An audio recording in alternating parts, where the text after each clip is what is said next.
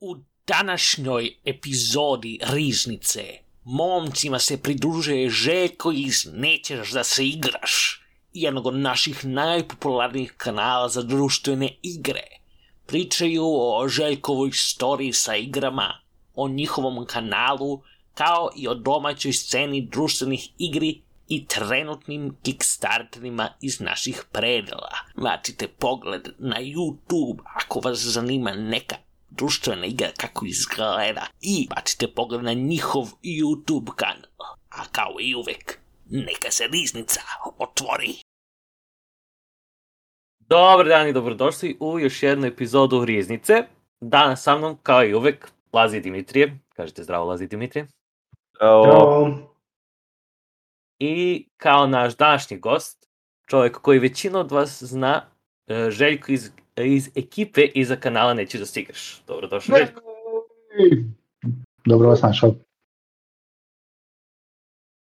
A, u današnjoj epizodi će da pričaskamo malo sa Željkom, vidimo šta ima od a, vesti iz a, većinom društvenih igri i možda spomenemo malo nešto o D&D vestima. Dobro. Gde ćemo da krenemo? Mislim da je redno da krenemo lepo Od sa predstavljanja. predstavljanje naših, naših gosta. Tako je. Željko, a, tvoje je a, the stage. To je podijum, da. da. Kao, krenut ćemo od predstavljanja našeg gosta, Željko predstavi se. Tako, tako volim i ja na nekim gostima. u epizodama. Upropastio sam ga već. Aha. Got him. Spoilers.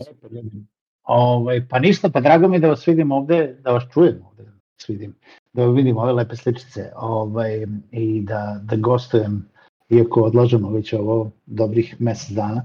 Ovaj, Kitić ja se dogovaramo, sad može, sad ne može, sad, sad snimamo, sad ne snimamo. Kad imaš dva i po sata za snimanje, brate, dva i po sata.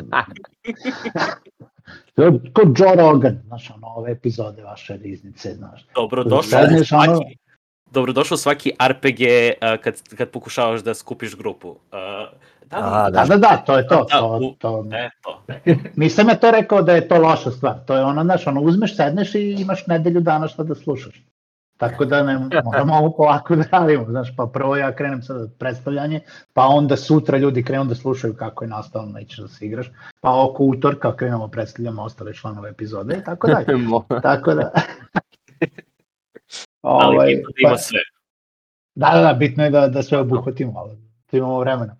Ovaj, pa ne znam, gde, gde hoćete da krenem, šta, šta, ovaj, ja sam Željko, imam, A, to je to, idemo. imam 40 i kusor godina, mator sam. Ovaj, e, da, ovaj, pa ništa, pretpostavljam da da smo tu najviše da pričamo o društvenim igrama i o nećeš da se igraš i o, i o riznici. A, shodno tome da je to, znači, ja sam član ekipe koja broji sad tri zvanična člana uz e, dosta drugih članova e, support tima, što bi se reklo, ovaj, ko, koji e, zajedno s nama rade na Nećeš da se igraš, koji je krenuo sasvim slučajno a, negde u novembru prošle godine, evo sad ćemo još malo po godinu dana. E, do kraja epizoda hoću da čujem ideje šta da radimo za godinu dana, ovaj, pošto imamo tu razne ideje, ja nikako da se smestimo na jedno, kako da proslavimo rođene, neće da se Mhm. igraš. A, tako da, a, to je slučajno krenulo, Lacika i ja smo zapravo idejni tvorci a, toga, Lacika koji je a, dugogodišnji ljubitelj društvenih igara, a, ja koji sam e, ne toliko dugogodišnji ljubitelj društvenih igara, ali veoma pasionirano znam da skočim u bazenu u duboku vodu. Ovaj, što se vidi zapravo ukoliko krenemo da gledamo naše epizode i krenete da gledate tu negde one prve epizode u novembru prošlog meseca a, i, i poslednje epizode, onda se tačno vidi koliko sam tada bio glup ovaj, ili neiskusan ili kako god hoćeš da nazoveš to ono, kada pričamo o društvenim igrama. Um, ali, ali, ali da, e, Hrvoje koji je isto veliki ljubitelj društvenih igara, onda smo se nas trojice našli. U stvari našli smo prvo Lacika i ja koji smo bili ovaj, mi smo komšije, dve ulice. I ovaj, bilo je tako, ono kao sreli smo se na dve, tri večeri društvenih igara koje smo mi organizovali u hubu, ovaj, u Subotičkom hubu, ovaj, kao za neku širu zajednicu, za popularizaciju uopšte dolaska ljudi u coworking i u hub i u, da promenimo one sve edukativne meetupove koje smo radili, pa da radimo nešto zabavno, onda smo uz pomoć jednog lokalnog kluba društvenih igara, Collected Company, napravili nekoliko puta večeri društvenih igara i tu smo zapravo ja sam tu video šta su društvene igre i ono više od monopola, rizika i ostalog. I to je bilo sad neke tri godine unazad. I onda sam ja tu video naravno imao komšiju koji, s kojim se inače nismo toliko često družili i obojica smo u IT-u, obojica smo tu negde u nekim uh, srodnim firmama, ali ono znamo se sa, sa tako nekih poslovnih događaja i znamo se privatno preko neke treće priče, ali nismo se nešto intenzivno družili, onda dođe kaže Lačka, pa ja imam kolekciju igara, pa ti imaš kolekciju igara, pa da imam kolekciju igara, tako stoje mi neotvorene igre na polici, ono tipa poslednje dve godine. Zašto imaš neotvorene igre na polici poslednje dve godine? Ja nemam s kim da igram. O, I onda smo se super našli, ono tipa, ja volim da igram, a nemam igre, a on ima igre, nema s kim da igra, i onda smo se mi tako našli, počeli da se igramo.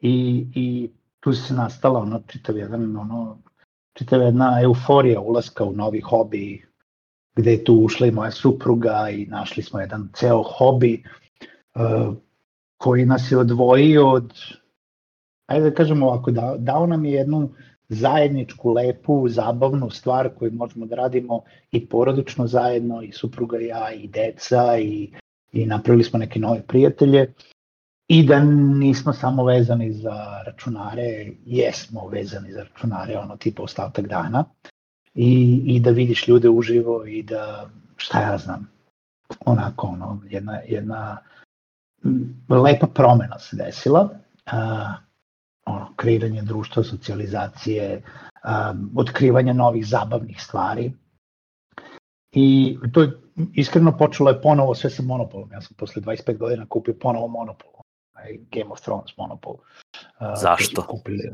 Zato Zašto? što nisam znao šta drugo ima i video sam to i bilo je preskupo. ali, je, ali je to bila tolika euforija, jedno tri meseca igranja monopola posle 25 godina.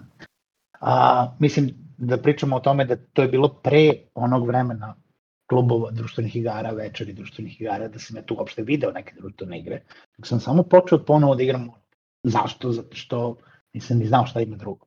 Nisam ni znao da postoji prodavnica društvenih igara u Subotici. Ne u Subotici, u, u Srbiji uopšte.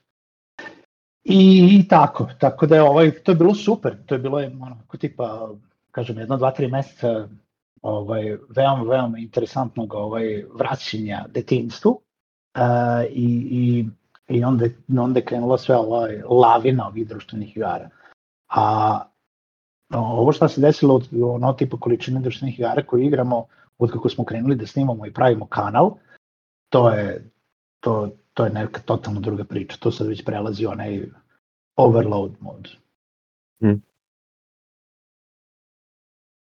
Znači, uh, monopol je uh, razlog uh, vraćanja na kreiranje nečega.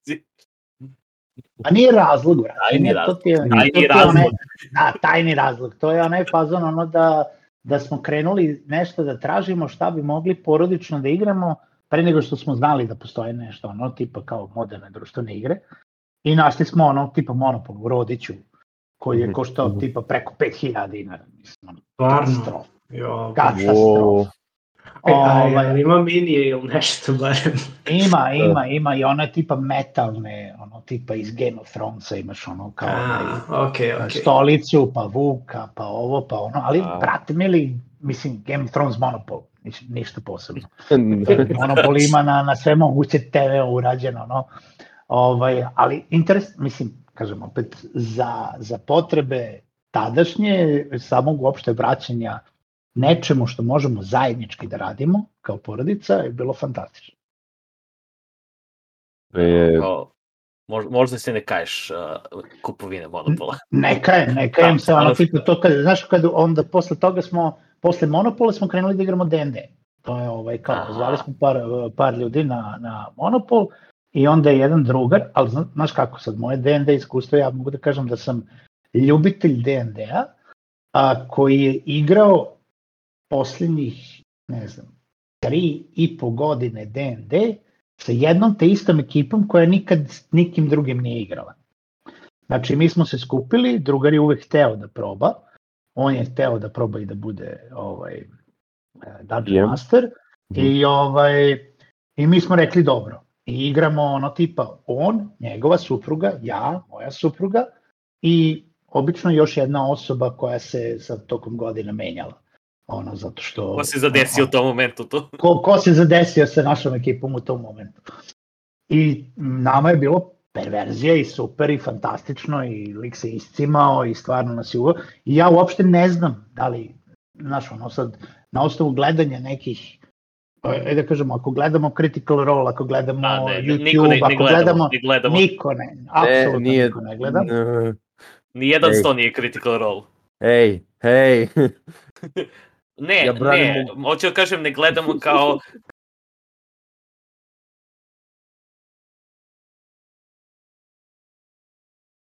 kao da se uporeda to. recimo, kako se svaki zovu oni, oni Ne, ali, likovi koji... ali oni, su, oni su svi voice actori i svakako su vrsni u i roleplayu i u glumi i sve to. Mislim, hoću da kažem, ako se gleda Critical Role, nikad neće da se, nikad neće da bude dobro pored. Ono, Ne, ne, nikad ne, neće da se imaš još one, one momke, kako se zovu, oni što su, ne, što je staro, već 20 godina streamuju. Oni A, streamuju samo a, za- a, a, Acquisitions Incorporated. E, Acquisitions Incorporated. On je bukvalno pravio, znači nas je učio kao da igramo tako što je, mislim, hteo taj feel toga. Da, da, ne da. čak Critical Role, nego Acquisitions Incorporated, jer mi, naše, naše sesije su pišancija. Mislim, ono, tipa, ja, ja se obično uh, zajebavam na, na, na svoj uh, račun, da ja zapravo ne znam da roleplayu.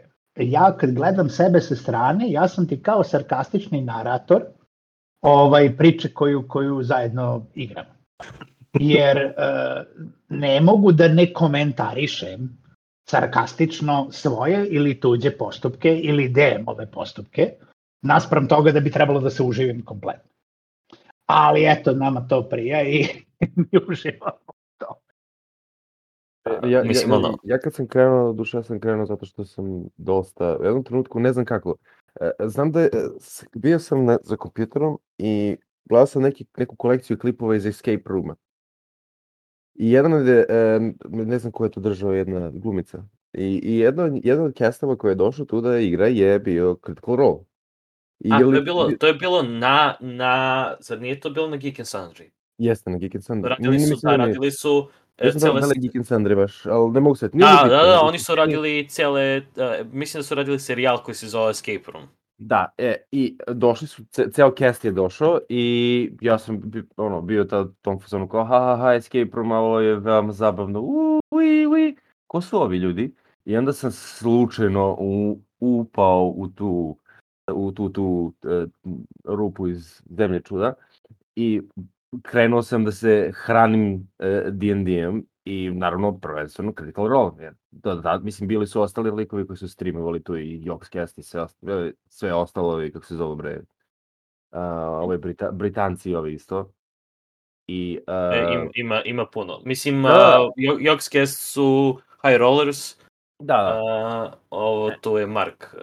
Da, DM, pa da, uh, e. ima, da, i Nisam- ima, nisam mislim, još- Acquisition Incorporated. Da. sve. ne znam njih sam kasno saznao. I krenem ja da gledam i naravno to ti sve isfiltrira u, mo, u ovo, kako treba D&D da bude, kako treba da bude taj D&D, kako treba da bude, a i gledam Metag kako DM-uje, bog otac, eh, on deity level, gospodin, njegova kosa prouzrukuje zemljotrese i, i, i, i daje sreću ljudima. A, ja gledam sve to i, on, i zamišljam kako treba da bude moja sesija. Ovako, identično. A. I onda mi je trebalo dosta vremena da Matt Mercer efekat, koji je sad poznat zapravo, to Tako je. postoji, e, je upravo to. I onda sam pričao i sa svim ostalim igračima i sve ostalo kao diskutovali smo o tome da ne očekuju ono što su gledali jer su i oni gledali. Pogotovo moj brat, na primjer njega sam navukao na D&D i e, onda smo krenuli zajedno. I onda evo ga sad je on krenuo da DM-uje i on ima dosta cool ideja koje onako ja ću verovatno ovako da implementiram kod sebe, pa smo jedan isto od drugih likova je krenuo iz grupe da DM-uje, pa i on ima mnogo cool ideje, pa hoću od njega nešto da onako implementiram. I sada, pošto nam je jedan od igrača otišao za Francusku da studira, pauziramo kampanju koju smo igrali kod dve godine, dok se on ne vrati, a među vremenu ćemo da radimo one shotove i teraću svakog od njih da DM-uje. Tako da... Ako, ako. Da. A, a po, polako li sigurno širimo, širimo klub DM-ova. Bukvalno, bukvalno. Definitivno. Ovaj, sad mi je pričao ovaj momak te, ovaj, iz, iz Subotice da ima više DM-ova nego što ima igrača. Trenutno. Dobar. Barem u Subotici. Daj, molim te, nek me pozove, bre, hoću, bre, da igram. Ali ne, a, definitivno je drugačije kada barem jednom ili dva put DM-uješ i onda kad igraš, jer kada, dije, kada na, za, DM, uh, za DM-ovim stolom bude drugih DM-ova, raz, razumete se. Ok, ok, ok, dobro. Da. Prošli smo kroz ja, ja, u nekom ja ću momentu. samo da kažem da, da sam, da, o, ja sam probao, mislim ja sam uradio DM one shota, mislim Siniša nas je vodio ono tipa tri i po godine, Mm -hmm. kampanja nam je trajala, ono tipa do sad smo odradili, odradili neke dve, tri kampanje, ali jedna je trajala godina i po dana. I ovaj, e, ja sam jednom dio one shot i sad smo u nekoj pauzi zato što sam ja kao obećao da ću njima da, da spremim nešto. Mm -hmm. Ja sam u dubokom, dubokom strahopoštovanju prema svim DM-ovima, jer na, na sesiju kao igrač pogotovo sesiju koja traje, ono, tipa lupam, šest meseci do godinu dana, da te odeš sa tri papira i možeš da pročitaš ono tipa šta ti treba sat vremena pre sesije. Mm -hmm. Znači, realno, mi se nismo morali nešto posebno spremati, pogotovo kad smo tokom korone igrali online. Mili, mm -hmm. sve mi je na računaru. Znaš, ono, sedim, igram pred računarom, ako treba nešto da pogledam, srčujem u momentu šta mi treba, mogu da srčujem da, da dobijem neku ideju ili da, da vidim šta sam trebao da uradim ili šta sam, koju, koji spek ili magiju ili šta je, nebitno. DM, brate, treba da potroši brdo sati na pripremu, da. ali brdo. Pa mislim, u suštini, ka, mi to, mislim da je dosta onako vezano za DM-a, kako on, u kom je on stil žele da ga vodi. Jer ja znam da ima igračove koje ću da teram da sada vode, koji će da budu veoma ležerni što se tiče toga, jer napravit će pa pa tip tap gotovo. U, dvo, u dva sata ima da završe sve to, jer će da bude ipak na kraju dana one shot i ne verujem da će da se, mislim, na, potrudit će se oni, ali već je verovatno da ga ono komplikuju. D&D još pr, prije ima puno stvari koje dode na, na pripremi gde mora mm -hmm. da mhm. tražiš i stat blokove, mora da stražiš uh, ako, ako specifično hoćeš uh, magic iteme da ubacuješ, mora da vidiš koliko će da daješ uh, loot reward, koliko je da radi koji trap i takve stvari, ako praviš dungeon, to je uh, mapiranje dungeona, mislim ono, zato što je tamo Da, da. Uh, ali mislim da, uh, mislim, ko što kaže Dimitri, postoje različite stilovi DM-ovanja i uh, jedan je svakako da budeš mnogo pripremljen i da sve da. proračunaš i da sve znaš šta će da se desi, uh, da imaš... Hello, this is me. Da, da, da. Da, a, da mi smo, Kitić, ja smo diametralno suprotni po tom pitanju, jer, mislim, i ja razmišljam o sesiji, spremim, spremim širi svet kampanje, ali uglavnom se oslanjam na improvizaciju u trenutku i ne razmišljam previše o sitnicama koje se dešavaju u, u svetu. I mislim, to, to je takođe može da bude stil ako, ako ti to odgovara. Mislim, kome šta paše i ko šta voli. Ali uh, zahteva samo uh, malo uh, mo, uh, treba da prođe neko vreme da se ti opustiš sa sistemom. Mislim, na, naročito ako pričamo o D&D-u, ko što kaže Ketić tu, ono, treba da znaš stat blokove za neprijatelje i te stvari. Ne moraš baš da znaš stat blokove, ali treba da prođe dovoljno vremena da ti stekneš osjećaj, a na ovom nivou je ovo dovoljno opasno ili ovo dovoljno strašno, no, može da stvari... Nađeš za sesiju, to je problem. Ne, ali ne moraš, može da ih smisliš u trenutku. Dobro, dobro, da, ali dalje, mislim, Tako da... to je tačno, to je tačno. ali, ali kažem da bi mogo da ih smisliš u trenutku, moraš dovoljno puta da vidiš te stat blokovi, da dovoljno puta vidiš šta je bilo uh, zanimljivo, a šta je bilo dosadno igračima kad su se borili ili šta god radili. I onda svakako zahteva vreme, makar i u tom is- iskustvu, ako ne u samoj pripremi. apsolutno. Treba, ono, poznavanje sistema je najveća prednost uh, DM-a. Kad smo kod sistema, uh, Željko, ste igrali peticu ili ste igrali nešto od drugih uh, verzija D&D? Ne, ja moram da priznam, ja sam samo imao iskustva sa peticom. Samo peticu, to, to, to. Ne, ne, da. nego pitam, baš me zanima, pošto si rekao D&D, ali nismo rekli ovo, pošto uh, znam da imamo neke koji igraju još uvijek tačka 5, tako da rekao da Mm. proverim. Da vidim, Ja da sam imao iskustva sa, sa prijateljima koji su hteli da se vrate nazad na 3.5, e, na četvorku, na, ne, ja ne znam, znači nis, pošto nisam gledao iz ugla DM-a, nego sam se uvek ono spremao kao igrač, e, ovaj naš DM je uvek vodio peticu, a, tako da imao sam jednu priliku da igram a, jedno, jednu sesiju ili nekoliko sesija sa jednom drugom ekipom i onda sam video da tačno se nikako nismo, mislim, sve što meni dragi prijatelji, ali, ali nismo se složili misaono za, za DM, uh, za D&D uopšte. Uh, tako da nije, možda nije svaka ekipa za to, mislim ono, ili, ili nisu, nisu svi ovaj dobar fit uh, jedno za drugo, uh, kako bi se reklo, ali eto, eto, kažem, što se tiče sistema peticu. Kao To je neko ko je morao da žonglira random partije, ljudi apsolutno nisu svi kompatibilni međusobno u igranju D&D-a. Mislim, mogu da igraju sa ekipama koje su kompatibilne, ali spajanje random ljudi uh, nekad dođe do frikcije u ideji. Da, uopšte u, u stavu, u što se tiče igranja. Da. Da. Ovo, šta si htio Dmitri da kažeš? Šteo sam Željka da pitam šta je, šta je igra, to jest koju klasu. A, ja sam najčešće i najduže igrao Wizard. O, nice. Nice. Koji? Wow, cool. A, misliš kao ko, koju rasu? E, ko- e, rasa i ono koja je škola. To je podklasa, kako već. A, bio sam Dwarf Wizard, ako je, ako je nešto čudnije onda. ovaj, da, bio je Dwarf Wizard uh, i bilo je, sad, ćeš, sad ću da se, mislim da je bila Evocation. Mhm. A, good old, good old classic. Ili, ne, ne, ne, Mm, la, la, lažem, lažem, Divination je bio zbog A, Divination i, zbog rerolla. ja. A, U stvari zbog, zbog predviđanja rola. je- Da. so you want to Uh, hate you, so you want your DM to hate you. This is a class for you. Moj, moj DM je, e, ja sam njemu upropastio, mislim do sada dva cinematika, što bi rekli pod navodnicima. Onako, ono, znaš, imao kraj svega, sve pripremljeno. I ja kažem, ja, ne znam, bilo je nešto u fazonu kao ja hoću da probam ovo. Mhm. Pa kao, pa ne možeš, pa dobro, ja hoću da probam, znaš. Pa kao, Mhm. ajde. I baciš krit, nešto, ono, tipa, ne možeš da ustaneš, ali ti ustaneš. Mhm. To je to. I kao šta i znači kao upropastio sam mu ceo kraj kampanje, znači ubili smo dva bosa u dve kampanje tako što je ono nije trebalo da bude ubijeno, trebalo je da se nastavi, trebalo je da nam propasti planove, trebalo je šta ja znam. I evi ga.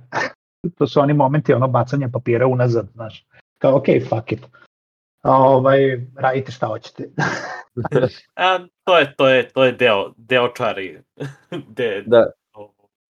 svakog roleplaya. one, one, mislim da su najlepše one reakcije DM-a kada uradiš nešto što je bilo tehnički nemoguće da uradiš, ali naravno krituješ ili tako nešto. I onda ono, Da. DM faca, dobro, Ne, naš DM je bio super što se toga tiče. Super je uvijek bio, uvijek je bio onako tipa spreman za zaokret, s time da je par puta bilo ono kao u momentu, posle mi je rekao, bilo je ono kao, brate, ako, a, da, da ste ovo izabrali, idemo kući. Gotovo. Nemam spremno taj deo. da, da, da, to što kažeš, da. Kao imam spremno pet različitih stvari, ali ne to. Da, imam, da, s- 70, e, e, 70 mogućih scenarija koji će da se dese, vi ste izabrali š, d- d- d- 103. 71. brate. Da. 71. Nije čak ni 71. 103. brate. Veruj mi. A, veoma, veoma poznato. Veoma Mm. poznato. Zato ja planiram za sve i random stvari. Znam vas sve. Sve sam vas izučio. A, mislim, a, um, vraćajući se, da se vratimo malo na ovo. E, teo sam da, da pitam, e, e, tehnički Željko, koja je tvoja uloga u udruženju kod vas?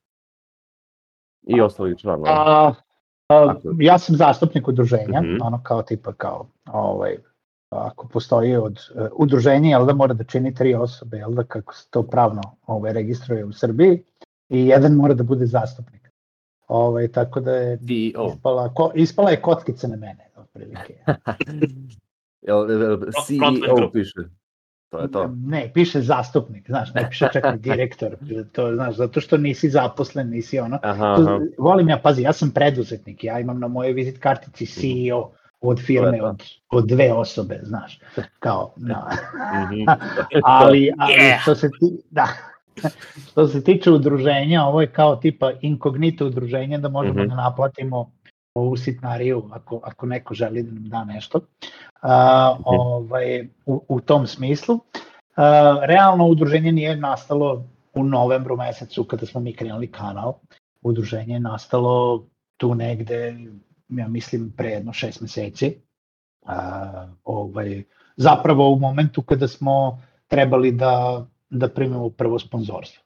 Onda smo, jel da, kada, kada otvaraš firmu, kada treba da daš pare. Ovaj, i to, je, to je nauki za preduzetništvo i za freelance i za, i za sve ostalo, pa tako i za udruženja. E, ne otvaraš firmu da bi imao troškove onda kad imaš ideju, nego kad treba da ti plate nešto. A dotle možeš da, da kreiraš kanal, da radiš videe, da, da brandiraš, da radiš šta hoćeš. Zapravo. Fair, fair. Words of wisdom. Da, da, to je mala škola preduzetništva. ovaj, tako da ima nas trojica u udruženju Mhm. zvanično, to smo Laci Hrvo i ja. Uh, ja sam zastupnik, uh, pored toga naši članovima se još uvijek smatraju i, i u stvari mi smatramo e, i neizostavno i moju suprugu Adrianu, uh, od nedavno i Nina koji nam se pridružio, koji zapravo uh, radi za mene u mojoj firmi uh, i koji nam je dugo vremena pomagao ovaj, u pozadini, u režiji što se tiče samog snimanja. I onda smo otkrili da, da Nino voli zapravo društvene igre i onda što, što, što ga ne bi stavili i ispred kamere, jer zapravo izbacujući ovoliko epizoda koliko mi izbacujemo, što možda ne zvuči puno, ali dve epizode nedeljno, jeste Nedeljno. Puno je. Puno je. To je, to To je je puno. puno. da. Da, dve epizode da. nedeljno je puno. A, I zapravo nije, znaš, nije bilo to puno kada smo mi kretali u novembru mesecu i kada smo obradili recenzije igara koje mi svi imamo iz nama. Jer onda ti zapravo, znaš, šta je puno? Skupimo se jedno veče, snimimo 4 do 6 epizoda za 5-6 sati a, i imamo no, ono, tipa mesec dana epizoda. A, puno je sada kada mi zapravo moramo non stop da igramo nove igre. Uh, i, O ne! Pa ne, ali ti računaj da nama, recimo, Da, za, jasno. da bi jednu epizodu snimili za jednu igru, mi treba da odigramo tu jednu igru, ta igra je između sat i dva, tri, zavisi koliko traje, treba da se skupimo, treba da je naučimo, treba ti jedno pola sata, sata je naučiš, recimo ako gledaš neku, ono tipa, ako gledaš rodnija, Da, Što ono? rodni. ovaj, Bez rodnije, bez rodnije ne znam kako bi živjeli. Da, da, mi svi koji imamo kanale gledamo rodni, znaš, ono, možemo da čitamo. Ovaj, e, I onda kao, još čitaš, još pa probaš, pa testiraš, pa igraš, pa onda odigraš jednom ili dva puta, pošto bi Lacija, ono, Lacijeva ideja je bila da odigramo svaku igru minimum tri puta, brate, mi tri puta da odigramo, znaš ti, šta znači tri puta odigrati igru, zato da bi mogli da je snimimo, a onda na snimanje, snimanje epizoda je pola sata, između 20 minuta, u stvari 15 minuta do pola sata, to je zapravo u realnosti 45 minuta do sat vremena snimanja, jer ono, dok se namestiš, dok kreneš da snimaš, dok imaš blupere, dok ti ne uđeš u fazon, dok ne pogrešiš i šta ja znam. I onda još treba da mon- montiraš tu epizodu u jedno 3-4 sata jer imaš dve kamere, jer, jer si grešio, jer šta ja znam. I zapravo tebi svaka epizoda traje jedno 7 do 10 sati rada. I sad 7 do 10 sati puta dva puta nedeljno, to je 20 sati nedeljno. Da. Mislim, to nije 20 sati nedeljno, ne radiš ti to iz, za svaku epizodu posebno, nego mi imamo jel da, te sesije da mi kad odemo da snimamo, snimamo u minimum 4 do 6 epizoda, zato što kad jednom namestim set, onda neću da snimim jednu epizodu, nego ću snimiti minimum 4, ovaj, kad sam isnamestio i osvetljenje i kamere i sve živo. Ali opet, ono, treba, treba vremena za to, to je oko 10 sati po epizodi, 7 do 10. Tako da je, da je sad već posao, Da, to opak pre, posao. pro, o, prošlo je od, uh, od hobija na, na već, o, o, ove posao, ovo, ovo već. Pa ne, znaš, naj, najgore, stvari, najgore stvari su momenti koje smo svi mi imali, ja možda čak i češće, gde ona tipa imaš o, overload društvenih igara i ono kao tipa hoćemo da se igramo, brate, ne igra mi se ništa, ostavite me, hoću da gledam seriju neku. Znači, ono, od momenta ono kao, volimo da igramo društvene igre, fenomenalno je, hoću da igram non stop, hoću da igram, i, ja sam u fazonu, hoću da igram neku igru dva puta. Znaš, ono Da. kao, sviđa mi se, kupio sam je, volim da, Da. da igram tu igru. kao, ne, ne, ne, moramo da igramo novo. Oh, fuck. Znaš, kao, Ma daj me pusti, me, bre, da brate. pusti me kao, zašto sam kupio igru ako neću igrati još jednom. Znaš, kao. I sad je stvarno došlo u moment ono kao, pošto pošto i ovaj Conflux nam šalje igre da testiramo, da, da snimimo. E, to, sam, to što- se da. Bla, bla, I vrati mi, ovo mi super deal sa Peđom, znaš, ono, on bira koje su mu, uh, koje, koje bi voleo i mogao, u stvari, znaš, da, da mi otvorimo, da Mhm. pokažemo i ovaj, on to posle ovaj, čak i prodaje povoljnije, zato što je otvorena igra i šta ja znam. I sad mi to, znaš, odigramo i vratimo i sad neke stvari čak i kupimo, zato što nam se jako sviđaju. Ali dođeš u onaj moment kao, a, realno, ako ovo sad kupim, kad ću je ponovo igrati? Znaš, kad ću stići ponovo da igram? A, ali, ali dobro, da, naravno, opet ne možemo da se obuzdamo, pa svi mi hoćemo da imamo neke naše kolekcije, Mhm. uh, igre, igre koje nam se stvarno, stvarno sviđaju i, ovaj, i onda, onda kupiš. ga. Mene, mislim, me, mene najviše interesuje, pošto vidio sam da ste, da ste igrali. Wingspan srpska edicija, kako je? Nisam igrao srpsku ediciju. Ne, izvini, onda pogrešnu sliku sam ja vidio. To je sad, Conflux je izbacio, mislim, srpsku ediciju, ako se Da, varam. Laze, Laze ima i ja sam isto igrao, tako da to možemo da Mi, spomenemo. Meeple je izbacio srpsku Da, ediciju, Meeple Aha. je, Meeple je lokalizovao uh, i Aha. Meeple je lokalizovao i Wingspan i terraformiranje Marsa i ovaj, kako se zove, kartografere i ne znam šta će još biti, mislim da je Chronicles još najavljen ili Sherlock ili ne, nisam siguran. Ili ne, Chronicles of Crime je valjda preveden isto. Barem u brošuri. Izašao je, izašao je. I Da, ima, ima preveden. I tehnički Katan su oni preveli, to jest lokalizovali.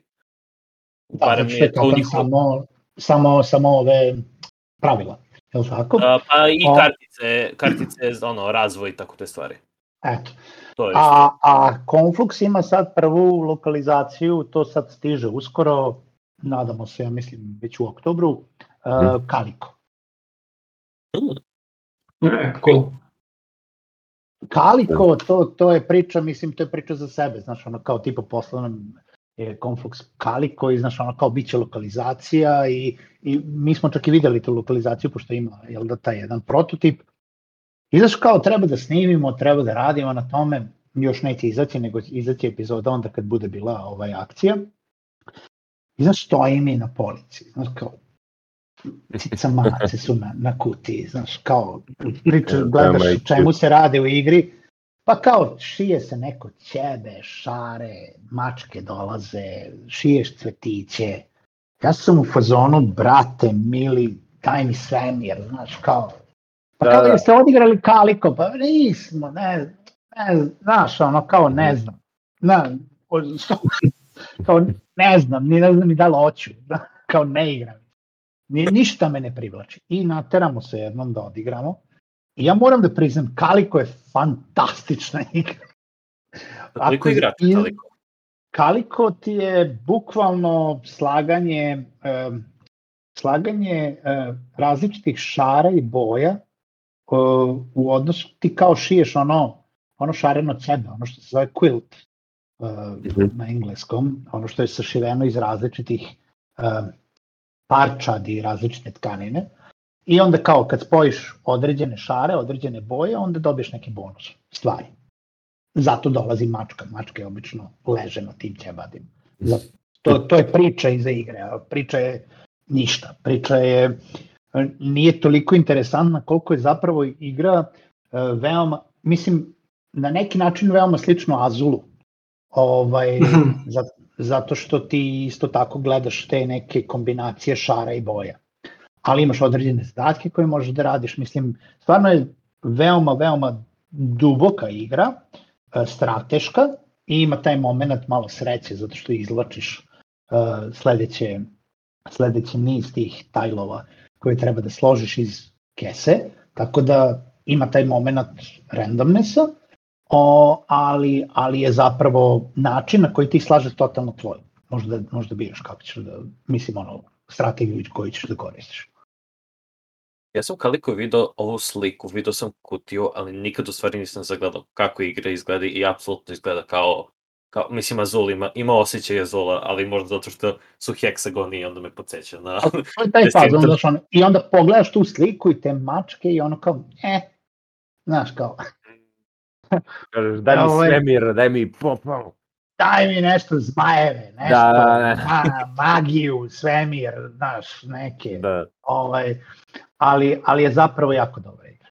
Mislim, eto, tako, tako da ne treba svaku igru ceniti po, po tematici, iako je meni recimo tematika igra veliku ulogu u odnosu na same mehanike. Znači nije, Mhm. nisu mi mehanike to što me 100% privuče za igru, naravno ima, ima određeni način, e, šta je meni u neki top, e, top igra što se tiče mehanike, ali, ali sama tematika mora da bude interesantna. Naravno. a, koje su a, od, od, od mehanika. Jel ono, o, o, ono kaliko je negde pri, to, pri vrhu, a? Pa, ja sam više euro igrač, znači ono tipa e, što manje randomnessa, ovaj, a što se tiče mehanika, card drafting uh, i taj neki resource management mi je, mi je na vrhu. Um, volim kartične igre, uh, volim strateške igre.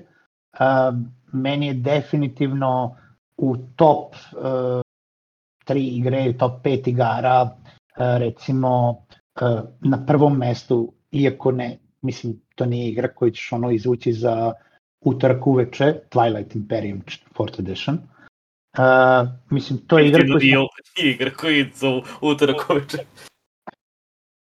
mislim, možeš ono, tipa, ako nemaš šta drugo da radiš sled, sredu, ne, ovaj, uh, ali, mislim, mi smo to jednom igrali, igrali smo prvi put 11 sati, 12, i rekli smo, brate, ovo, ovo ćemo da igramo dva puta godišnje, ovo je fantastična igra, ali tre, no, dva puta godišnje, jer nema, nema šanse da skupimo ljude da igramo. Od tada smo igrali pet puta, a to je bilo tipa od januara meseca. Znaš, od tada smo je pet puta već igrali i, i svaki put je bila fenomenalna. Znači svaki put je trajalo, naravno, 90 sati. Pa završili ste 11. u tih 11-12 sati. Da, da, da. Prvi put nismo. Prvi put smo završili um, onako na silu. Znači, ja sam eh, video sam pobedu i ovaj i traja ono trebalo je da se završi i onda smo posle skontali da se zapravo da su hteli da produže ostali, mogli su da me zeznu lupam na tri načina i da produžimo još tri sata igru. Ali ostalih četiri puta ili pet puta što smo igrali, smo svaki put završili u tih između između 9 i 12 sati u zavisnosti od toga koliko nas igralo. Da nas igralo četvoro, petoro ili troje čak u jednom momentu. A, mene brine, uh, pošto ja bih hteo da probam nekad Twilight, Twilight Imperium, nikad nisam igrao, ali uh, mene prva stvar koju gledam za igre je koliko je komplikovano da se objasni, jer se mnogo plašim za naročito tako velike igre koje zahtevaju ulaganje, e, ako se igrači smore prilikom objašnjavanja pravila, ako objašnjavanje mora da traje tipa sat vremena ili sat i po ne, ili tako nešto. Um, Da li je komplikovano da se objasni, to me interesuje. Setup ti traje dugo, setup traje, lupam, 30-40 minuta cele igre, ali mislim, znaš, meni je isto tako, znaš, mene nerviraju igre koje imaju veliki setup u odnosu na gameplay. Sad ako ću ja da imam setup od sat vremena, zato da bi još sat vremena igrao, to je, to je sranje. Ali uh, ako ću da imam setup od 30-45 minuta, igraću 10 sati, ja sam se spremio za to, ja sam, znaš, ono, kao, to je, to je deo iskustva. Ovaj, e, objašnjavanje, mi smo svaki put igrali sa nekim novim, e, znači svih pet puta nam je neko bio novi u, u ekipi, e, traje između, pa da kažemo, pola sata i sat vremena e, to objašnjavanje. I sad ima neki detalja koje treba da prođeš, ali ima neki detalja koje ostavimo da se objašnjavaju tokom gameplaya. A, naravno da su svi rekli u nekom momentu da bi sledeći put obavezno hteli još jednom da probaju, zato što sada je totalno drugačije kada potpuno znaju jel da, jednu celu, jedan ceo tok igre, pa bi možda nešto drugačije radili. Ali ne mora da znači, mislim, tebi jedan potez, jedan krug u Twilightu traje sat vremena. Mislim, uh. da, svi, da svi završe, ali Olim. dobra stvar je u tome da nema veliki downtime, zato što tokom tvog poteza drugi rade nešto. Isto. A. Ima taj moment da ćeš ti negde, ono sad neko krene da se misli kako će da pomeri svoje brodove i misli se dobrih 15 minuta i ti nemaš šta da radiš. Ili je krenula neka bitka koja, u koju ti nisi umešan i opet nemaš pola sata šta da radiš. Ali zapravo kad ti podeliš te neke strateške akcijne kartice, E, na svakoj kartici imaš primary action koji ti radiš i secondary action koji mogu svi ostali da rade. Naravno, mogu svi ostali da izaberu hoću ili neću to da radim, ali znači ti moraš da pratiš non stop tu igru. To nije ono kao u sat vremena igram 15 minuta pa gledam u zvezde. Pa je li iscrpljujuće onda? Mislim, kapiram da jeste s uzirom da to koliko traje, ali ako naročito ako moraš da budeš aktivan sve to vreme, jel? Pa vidi ovako, uh, svi smo očekivali da je tako. Mm. Um, imali smo moment uh, burnouta u, u jednog momka u jednoj partiji, ali jako interesantna stvar što nije, što mnogo ljudi reklo tokom igre. Znači imali smo čak i momka koji je poslednji put, Nino je igrao s nama, jel da, naš novi član ekipe, uh, u poslednjoj mm -hmm. partiji, koji je bio totalno, pazi, lik koji je igrao naš tipa trećinu ili petinu od broja društvenih igara koje smo mi svi igrali. Uh, koji nije toliko u društvenim igrama, pogotovo ne ovako u ovim totalno velikim ozbiljnim 10 sati društvenim igrama i tako dalje. I koji ono, reakcija na njega je isto kao što reakcija sa kad bi rekao tati da igram 10 sati društvene igre, si ti normalan, znaš, ono, celo društvo ti je ono u fazonu šta ćeš da radiš 10 sati. Ću da igram Twilight Imperium, ti si normalan. I fazon, fazon Twilight je da na kraju 11 sati nisi iscrpljen. Ti si u fazonu kad ćemo sledeću Znači, ono kao, hoćemo da odemo, da popijemo nešto, ono tipa sat vremena, da, da, da se svežimo. Da, da, mogu da se plaća. Da krećemo drugu partiju. da krenemo drugu partiju. Da. Znači, svi smo bili u fazonu toliko onog uh, zadovoljstva na kraju te partije, da je ono kao tipa, kad ćemo, kad ćemo sledeću, znaš, ono, šta ćemo sad da radimo? Nije onaj moment 10 sati i, i gotovo i padaš sa stolice i šta ja znam. Znači, to mm. s nama su partije trajale uvek, dobro, mi smo počinjali, obično budeš pametan pa počneš negde u povodne 1, 2, 3 popodne. O, super, dobro. I onda, znaš, ono, završiš do ponoći. Mi smo prošljeni put pro, počeli u 1, pola 2, u 3, pola 4 ujutru smo završili. Mislim, ono, stvarno je trajalo. Da, da, Ali- to, je, to je dobar nauk da se Da. takve igre počinju ranije. Jer mi smo uh, Dinu i uh, mislim da smo i Root jednom tako igrali uh, sa sve objašnjavanjem pravila. Mislim, to nije igra koja traje 10-11 sati, ali traje, može da potraje po 4 sata, 5. I onda ako se to krene u 8 uveče ili u 9 uveče, kad su već ljudi onako umorni od dana koliko toliko, to je ono, ubica za igranje, jer dok se Uh, dok se završi jedan potez, ono, da igramo u 12 potez bi trajao možda 15 minuta, a kad igramo uveče, onda potez traje po pola sata 40 minuta, zato što koji Dina koncentracija pa recimo, sve. Dina je recimo druga igra, isto koja je među top, top 5. E, cool. mi- a, baš ona originalna Dina, ne Dune Imperium, nego baš Dune. Da, da. To je, mislim, i to ako pogledaš, recimo mi smo igrali to isto 3-4 puta i radili smo live sa Dunom, znači mi da smo hteli da organizujemo da live bude najduža igra Duna koju smo ikada igrali, koja traje 6,5 sati, jer smo igrali svih 10 krugova. jer niko nije mogao da pobedi, jer je do, ono, na kraju bila ona defaultna pobeda, ono kao posle desetog kruga. Idite si kući pobeda. bukvalno nešto. Stichter kafa pobeda, ajde, ajde. Do, doviđenja, momci. Ajde, ajde, idite si kući. Vreme za spavanje. Dosta, dosta ste igrali. Nije, šta, šta vi mislite o Twilight Imperium kao? Ne, ne može. E, ali recimo, Dun... Dune, Dune i Twilight su, uh, i sad mo, možemo odmah da zaključimo zašto su među top igrama, su, uh, imaju tu mehaniku da su i dalje board game-ovi, da i dalje imaš ti uh, elemente uh, mehanika i ograničenja koje su, koje imaju pravila. Znači nije kao D&D, ono možeš bilo šta da radiš. Ali imaju onaj moment dogovora. Znaš, ti u, u Twilightu i kao i u Dunu imaš onaj moment, e, šta ti se to hoćeš da radiš? Hoćeš da ideš ovde? Pa nemoj tu da ideš, ja ću ti dati ovo. Ili, možda se dogovaraš šta god hoćeš tokom cele igre. I Da, ništa da. nije ono klesano u kamen. I može neko da te izda i možeš ovo i možeš ono. I mo... Mislim, taj moment te- te politike i te ono Političke tipa, igre. političke igre, ali slobodnog razmišljanja i slobodnih dogovora tokom igre je nešto što daje totalno drugu dimenziju igri. I verovatno je zato ono tipa u top top igara. Igra koja recimo nema to, koja se isto nalazi u top 5 mojih, je Underwater Cities. Uh, Underwater Cities koju sam sad dobio ekspanziju uh, ovaj, od momaka za, za rođendan, sam, Je nešto sliku.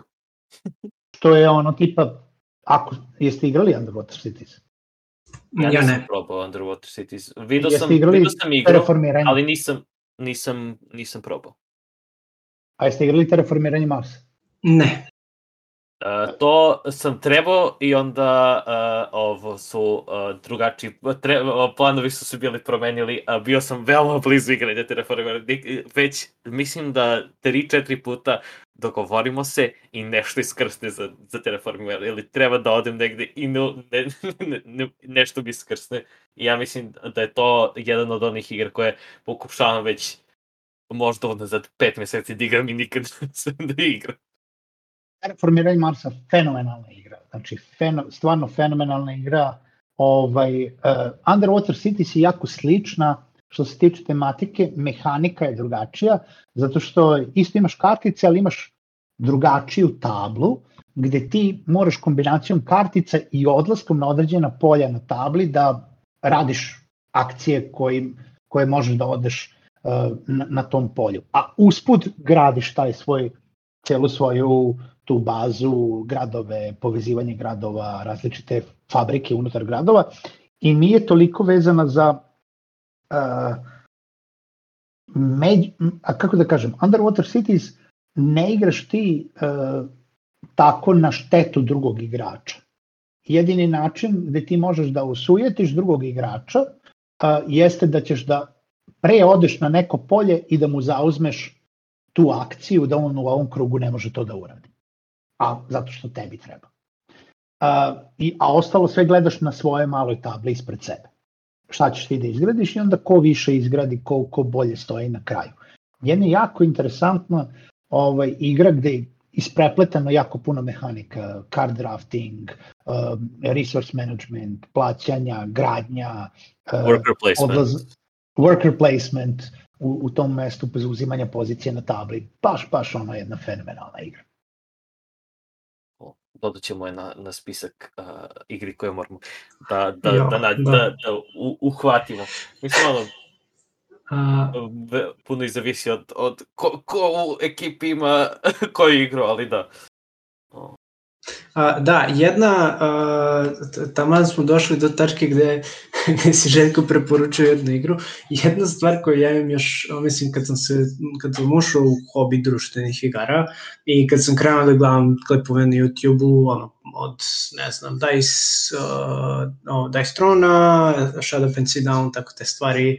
Uh, uvek kada gledam neki snimak, uh, i ako mi se iole dopadne igra, um, a oni su uglavnom predstavljene na, onako gledam te komponente i gledam ljude kako se igraju, uh, i uh, odma kad, kad završim pregled snimka, odma otvaram ono uh, Conflux, Meeple, Bottlenose, šta god je bilo u tom trenutku i tražim da vidim ono, prvo koliko košta igra, pa da vidim dalje i onda da se informišem. Mislim, ono, nije da uvek kupim, ali mnogo me zapodeno. I to je isto sa vama kad sam krenuo, kad ste krenuli da izbacite snimke, onda kad god pogledam snimak, onako gledam i već znam kad se završi snimak, ja ono, ja idem da gledam koliko košta ta igra kod nas, gde može da se uzme i uh, mislim, imam dovoljno zdravog razuma da, da ne pođem svaki put za učenikom, ali uh, da, mislim, hvala mnogo što upućujete ljude na društvene igre i na sve to,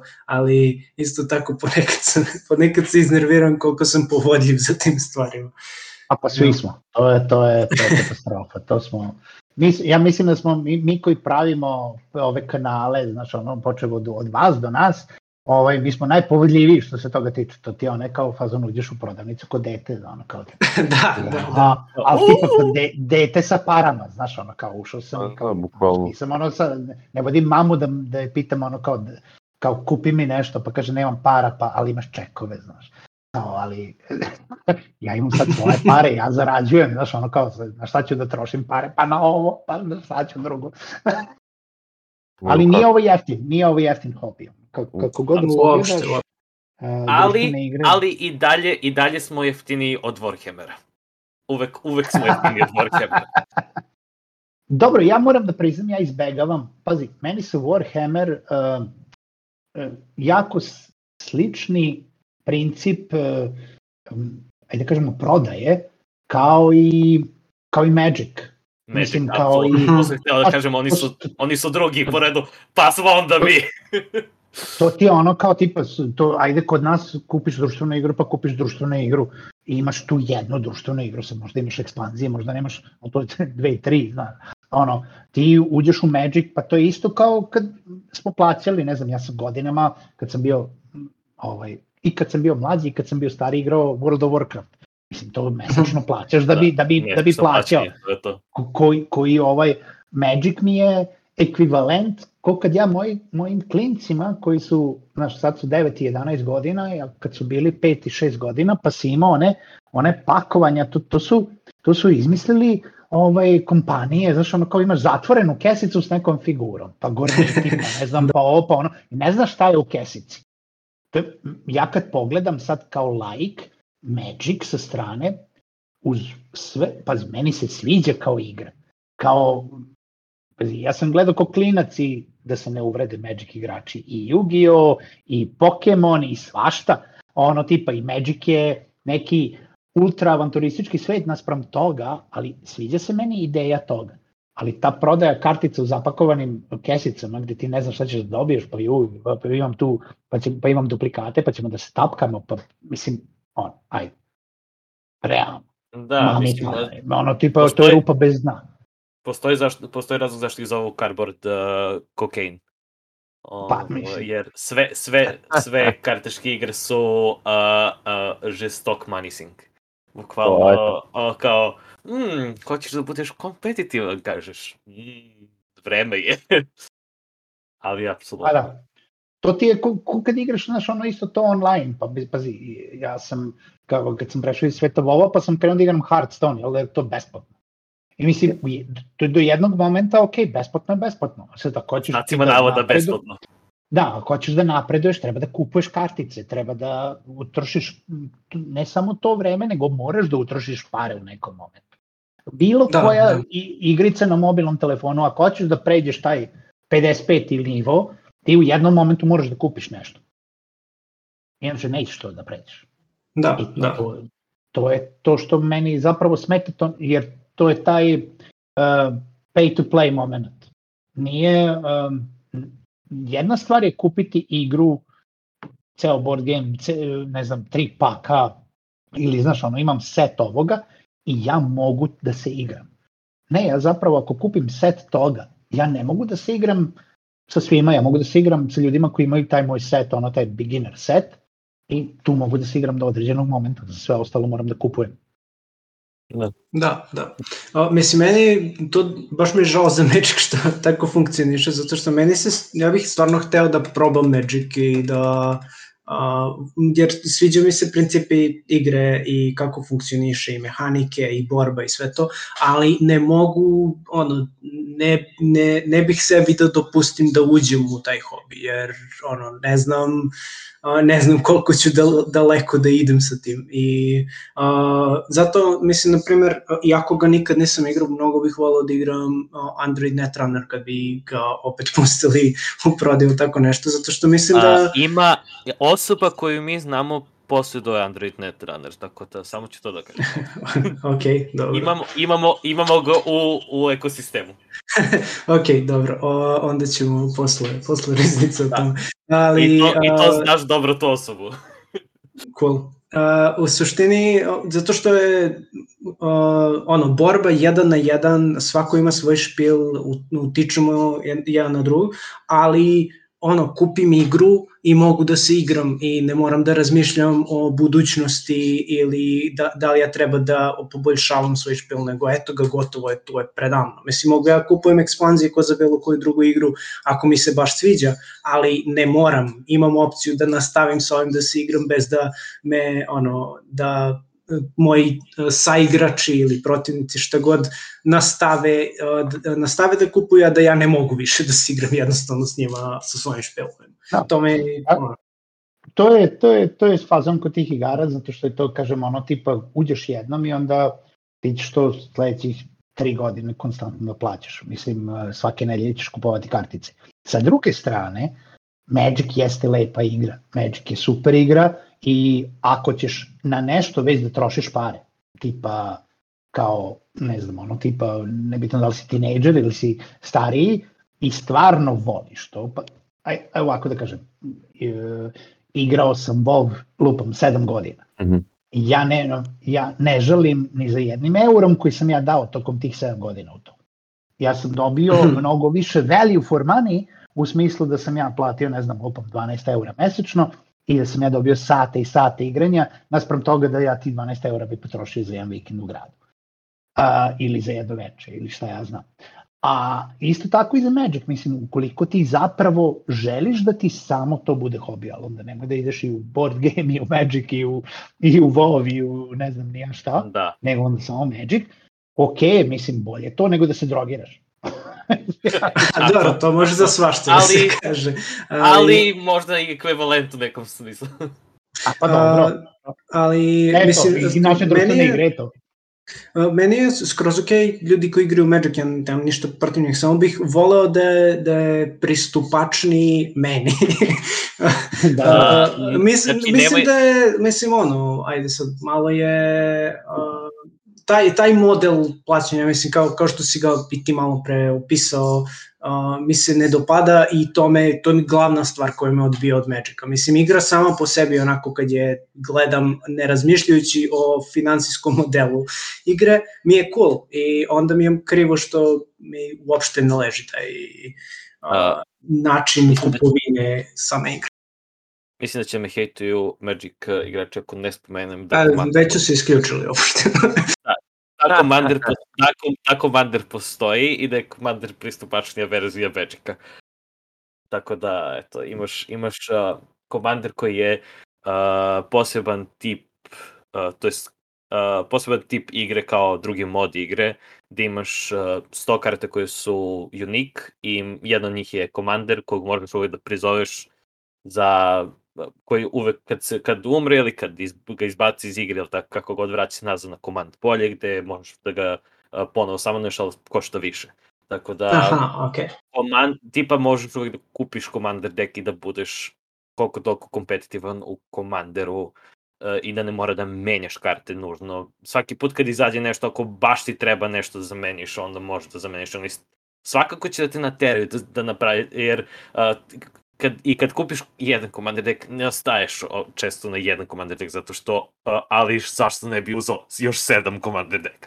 Tako da, tako da, eto, da, čisto da spomenem da oni imaju, imaju modove koji su pristupačniji, tipa oni um, Pauper, mislim se tako nešto je, uh, gde samo se igra sa uh, uncommon kartama, common i uncommon kartama, tako da im, tipa ne može, jer su realno uh, rare i na više mnogo skuplje karte. Tako da ima tih modova gde se samo igra sa uh, slabim kartama. Ali to mora da se nađe osobe koje hoće da igraju s tobom takav, takav tip. Mislim, Commander se igra puno. Commander je možda, ako ne drugi ili treći najpopularniji ovo, a, mod, sad ne znam u kojoj, ja kad sam, kad sam bio ovo, koliko toliko opkružen Magic igračima, sam, o, većinom se Commander igrao, jer redko ko ima uh, živce ili uh, financije da bude kompetitivan konstantno da uzima. No, mislim, uzimaju se nove karte, ali uzimaju se zbog komandera, ne zbog... Ono, mislim, ima i turnira, ali Commander, znam da Commander je više ono uh, opušteno, opušteno igranje, više, više vuče na ideje board gameova, pošto je ono kao jedan špil koji konstantno koriste, a ne ono kao sad ću da imam konstantno kompetitivne špilove. Sve, tako da eto. Čisto da, da spomenem da ne budu Magic igrači, ne, ali, ali i uh, sve ostalo, ali apsolutno svi će da se složimo da je Magic skup. Uh, uh, Da. da. Ne najskuplji, i dalje to da je Warhammer. Warhammer su najgori, od što se tiče uh, ovo, cena, ali definitivno. A, Ja, ja stvarno ne znam mnogo o Da. Warhammeru kao igri, ali znam da sam vidio slike na A, netu dobro. gde dolaze ljudi na konvencije u kombiju, u kom se sami voze i imaju i onako police i police figura i ono. Mislim, ono je, ono je prelepo. Narod, mislim, ono, Apsolutno. u farmu, ono je stvarno prelepo da se gleda.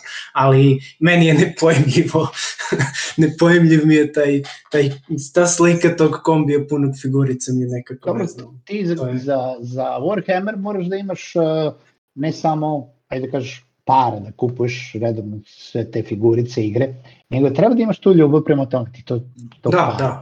pa praviš, pa, pa znaš, praviš terene, pa to je, to je jedan, znaš koliko oni kad prave one mini, mini vozove, pa u, u svojim garažama ili podrumima ili tavanima ili nešto. To ti je Warhammer, to ti je Uživanje. ceo svet toga uživanja, ali i talenta za to. Jer ti Da, sad, svakako. ja mogu da volim Warhammer, možda ne znam da farmam figurice. Znaš, možda sam, možda sam duduk za to. Možda e, ne imam dovoljno mesta to da radim u kući e, za, sve što bih hteo, što se toga tiče. Tako da nije samo pitanje para, to je, to je više pitanje predanosti celom tom e, kolekcionarstvu više. Da, da, mislim, moguće da ovo, da to tako i mogu da se sumira i za, i za Magic i za, i za Warhammer, što nije, a, to, što, to što kažeš, ni- nisu samo pare, nego je nekako hobi koji zahteva dosta više ono, ličnog ulaganja od drugih hobija. I onda kad pokušaš da uporediš sa nekim drugim hobijima, čak i sa društvenim igrama ovako, um, onako deluju dosta strano, zato što mislim ajde i zbog, i zbog para, ali i zbog vremena koje zahtevaju i ulaganja. Ali mislim, ako neko to voli, ono, skroz ok, slobodno, samo... Pazi, ali ti tako kad gledaš, onda svaki hobi je takav. Znači, ljudi nas gledaju i vas i nas kao brate mili ono kao društvene igre, ono kao čemu, na, na šta vi Da, dobro, vreme. dobro. Znaš, D&D, a, ako ćemo tako, RPG, brate mili, ono, to, nekome je totalno strani taj sistem, iako za to ti je potrebno ono tipa parče papira i, i mašta. A, a, mislim, i sve što ti treba je na internetu. Možeš da trošiš pare, ne moraš. Ovaj, ako pričamo o Magic, ako pričamo o bilo kom drugom hobiju, sve je tako. Tako da je samo pitanje šta ko voli, šta kome prija. Da, Da, I da. naravno, e, za šta nađe društvo, jer ima nekih hobija koji jesu, znaš, ono, hobi sam za sebe, ali uvijek je bolje kada imaš, kada si okružen ljudima koji te nekako podržavaju u tome, koji te guraju, sa kojima možeš da, da radiš to zajedno. Prednost, prednost i naših hobija je što tehnički možda da ih igraš solo. Određene stvari mo- imaš društvene igre koje možda igraš solo, imaš RPG-eve koje igraš solo. Nije isto normalno, ali, ali postoji. Da, postoji to, to je podskup našeg hobija, rekao da, bi se. ve, veoma, da. Veoma mali A- za ali, ali igre. postoji, da, postoji i može da se igra. Um, ovo, što se tiče drugih, a, jel ima neka igra koju niste radili recenziju, a htjeli bi da radite recenziju? Nismo još uradili recenziju za Twilight Imperium. Jo, a, A, to je to, White Whale, White Whale. To je ono tipa kao, to ćemo da uradimo, to ćemo tako da uradimo da snimamo pokrivalice, pa ćemo da stavimo na stol, pa ćemo da snimamo svaku figuru posebno, pa ima tu milion ideja i varijanti kako Ali- ćemo mi to da snimamo. I na kraju smo zapravo skontali da pošto imamo live na kanalu od 9 sati igranja jedne cele partije od početka do kraja, a, da ćemo naš, naša recenzija Twilighta će zapravo da bude kutija Twilighta na stolu i bukvalno pričamo anegdote iz epizode. Jer, Ali eto, Jer- šta, šta, šta bolje nego to da bude za uh, godišnjicu kanala? A vidi za godišnjicu kanala ima milion stvari, ima ono tipa, do, išli smo do momenta da, da razmišljamo da li da pravimo ovaj, o bože, sad sam na brzinu zaboravio, kako se zove ovaj, ovaj, um, a tipa da, da napravimo žurku sa, sa ljudima da se pojave u kostimima društvenih igara. E, cosplay. Da, A, cosplay, da. Nice. O, a, da. Ja is, isključivo Ovaj. dolazim kao Azul. Možeš, kao kockica. Kao kockica Azul. Tako da ne znam, ne znam šta će da bude, ovaj, u, možda će da bude i ovaj, druga opcija nam je da izbacimo, pošto sad već imamo, ja mislim, preko sat vremena bloopera. Ovaj, tako da, i, to. je, i to je opcija da, O, onako, a, šta se možemo da... Ali, pa to je to, mislim, očekujemo a, velike stvari od to, to je ti god, te godišnjice. da, da, da. To, Samo je pitanje šta da budu me, mere, mere prve, ovaj, socijalne, preve, da, preve, socijalne da, distance. to. Da. Dobro, im, imam koliko još, još, još malo, pa će, vidit, ćemo. blizu smo, blizu smo. A, o, Kaži. Mene interesuje a, vaš studio, je to namenski, a, a, jel ste namenski napravili studio za nećeš da se igraš ili je to prvenstveno bilo soba za igranje društvenih igara pa ste ga pretvorili u studio? Jer izgleda mnogo cool, meni se baš, baš mi se dopada kako ste ga uredili. To zapravo nije ni jedno ni drugo. Mi u toj sobi ne radimo ništa osim što snimamo i ta soba se nalazi u uh, Infostud Hubu, ovaj, koja je zapravo čak nije ni napravljena od strane nas, nego je napravljena od strane Huba za potrebe um, kada radimo snimanja, intervjue ili nešto, samo smo je mi prvi iskoristili za nas. Mislim, tipa ja, ja sam dizajnirao tu sobu zajedno sa, zajedno sa koleginicom ovaj, e, koja, je- koja je pomogla i, i ono tipa birali tapete, ono tipa birali police i tako dalje. I onda smo skontali da je taj stol savršen za, za recenzije. Mislim, prvi studio koji smo imali je uh, crna pozadina na prvim našim epizodama je crna pozadina zato što nismo imali nikakvu bolju pozadinu. Znači, ostatak sobe je bio krš, to je bila velika sala, uh, sala za sastanke, to je uh, sala za predavanja, gde ni u jednom ćošku ti nisi imao ništa reprezentativno da u šta možeš da uperiš kameru, uh, a da ne izgleda, znaš, ono kao poluprazna soba.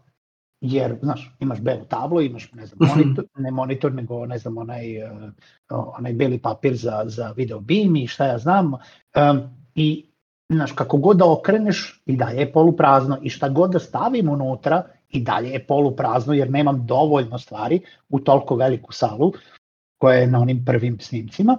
I onda smo imali crnu pozadinu, to je zapravo crni, uh, crnu tkaninu, za, za snimanja i, i to je bila crna pozadina.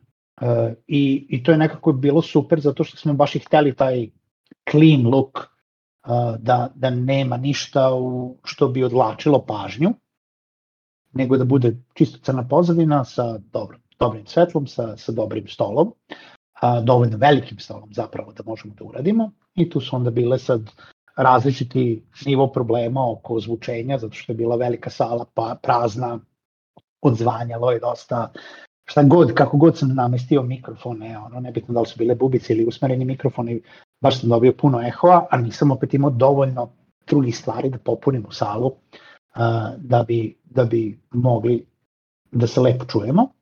I onda smo odlučili da snimimo u ovoj manjoj sali. Ova sala je bukvalno uh, Znači, ono što vidite kao širinu kamere je najširi deo zida u principu kada nas dvojica sedimo i ispružimo našu spoljnu ruku prema zidu, pipnućemo zid od, od sobe. To je toliko usko. okay. Ali mi to ovaj- ne znamo, tako da... Vi to ne znate. To je iluzija, iluzija da mi je slovljeno. I ovaj, stol je stvarno fantastičan, stol je super za igranje, samo što je previše mala soba, tako da se mi tamo naguramo, ovaj, stavimo jedan veliki reflektor, ugasimo svetlo u sobi, stavimo nazad ono igrane police i dobijemo taj efekat, ja bih čak i voleo da je, da je malo duža soba, zato što kada bi malo mogli još više da se udaljimo od zida, onda bi dobili još više taj efekat zatamljene pozadine sa, sa nekim prigušenim svetlom, naspram toga da je fokus samo na, na stolu i na prezenteru. I, I to je to. Mislim i dalje ono, i dalje imamo problem u toj maloj sobi od zvanjenja, zato što, kažem, nije studio soba u smislu da je možemo uraditi za naše potrebe, jer mi svaki put celu opremu moramo da izvodimo iz te sobe, ne stavimo kad koristimo, jer ta soba se koristi i za sastanke, i za druga snimanja, i za... Aha, aha. Uh, znaš, to, to je soba jednog hubu i bilo bi idealno kada bi mi imali samo studio sobu, gde mogu da ja da postavim opremu i da ne moram da je sklanjam, ali, nažalost, to, to nije tako. Ne još. Ne još. Ne još. Ne još.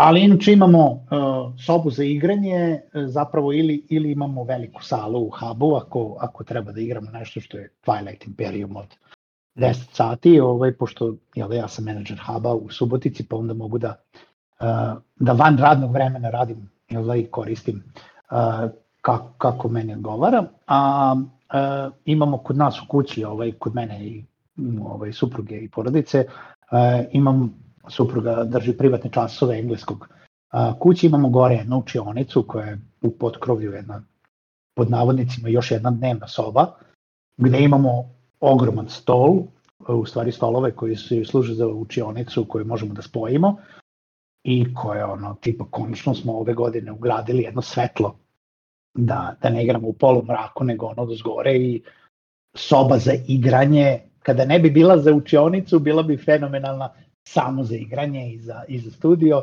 ali nažalost mora da bude i za posao. Tako o da, ne, moramo da vraćamo sad nazad. Na masno da, mesto ja, za igranje. To ne snimamo nikada. Ne snimamo nikada zato što mi je ona oprema uglavnom na poslu, pa mi je onda tamo lakše. Kao, ah, moramo sad, uh, tama, tamo smo postavili za igranje igri i mora da vratimo nazad. O ne, časovi. Da, da, da, tako, tako to bio, ovaj, ali, znaš, ove godine je ušla i, pazi, ja kao pravi board gamer kupio sam Kalax, ovaj, policu za društvene igre, koja je naravno polica za bilo šta drugo, ali, ali je o, jedna od najpopularnijih za, za društvene igre, tako da i nama polica za društvene igre, tako da konačno sad to dobija svoje, svoje, svoje onako mesto u, to, u toj sobi. To. Koliko je sad uh, otprilike velika uh, biblioteka? A, u, ne bih smeo da, tebe. da procenim. Kod mene ne, samo. Ne bih smeo da procenim, samo da kažem da je to recimo pa, pa ima nekih mm, 20, 25, ako ne i 30 igara, samo mojih. Lacka ima više.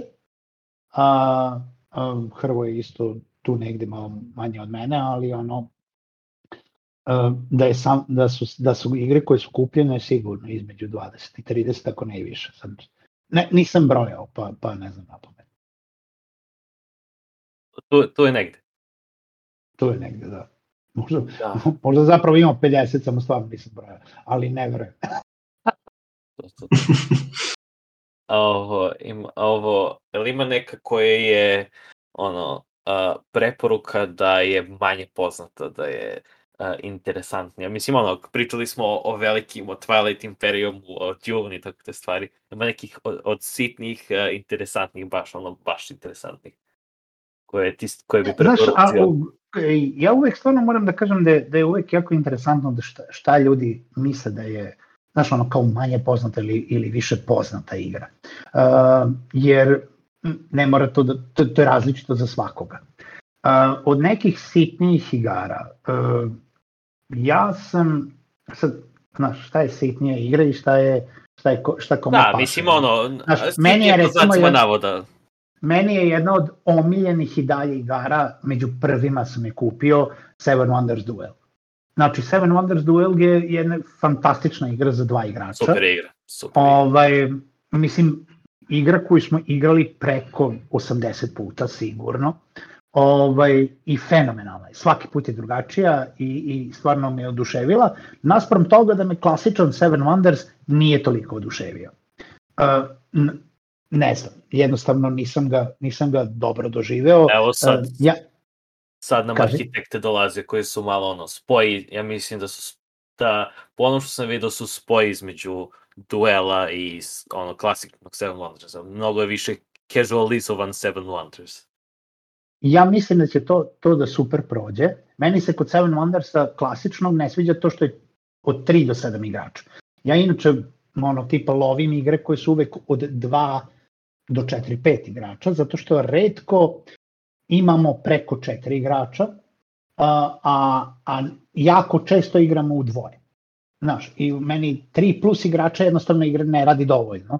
Ne, nije mi dovoljno na stolu e, da bi, da bi sigurno uživao, a te igre koje su 3 plus igrača, često nije dovoljno 3 igrača da bi se igrao. Recimo sad smo nedavno igrali uh, Dice, u stvari Bang the Dice Game, uh, Bang, da. I Bang je fantastična mala igra koja je pre, prezabavna, ali funkcioniše na 5+. Da, uh, Ona jeste... Bang je, od- Bang je uh, igra za klubove. Jeste. Jer, jer redko kad, mislim, će da se skupi društvo, ali, ali Bang je savršena igra za klub. I mi smo ih u, mi smo ih u Goblinu igrali konstantno. Bang, konstantno smo igrali. Goblin. Da, ali, ali to ne funkcioniše u četiri igrača već.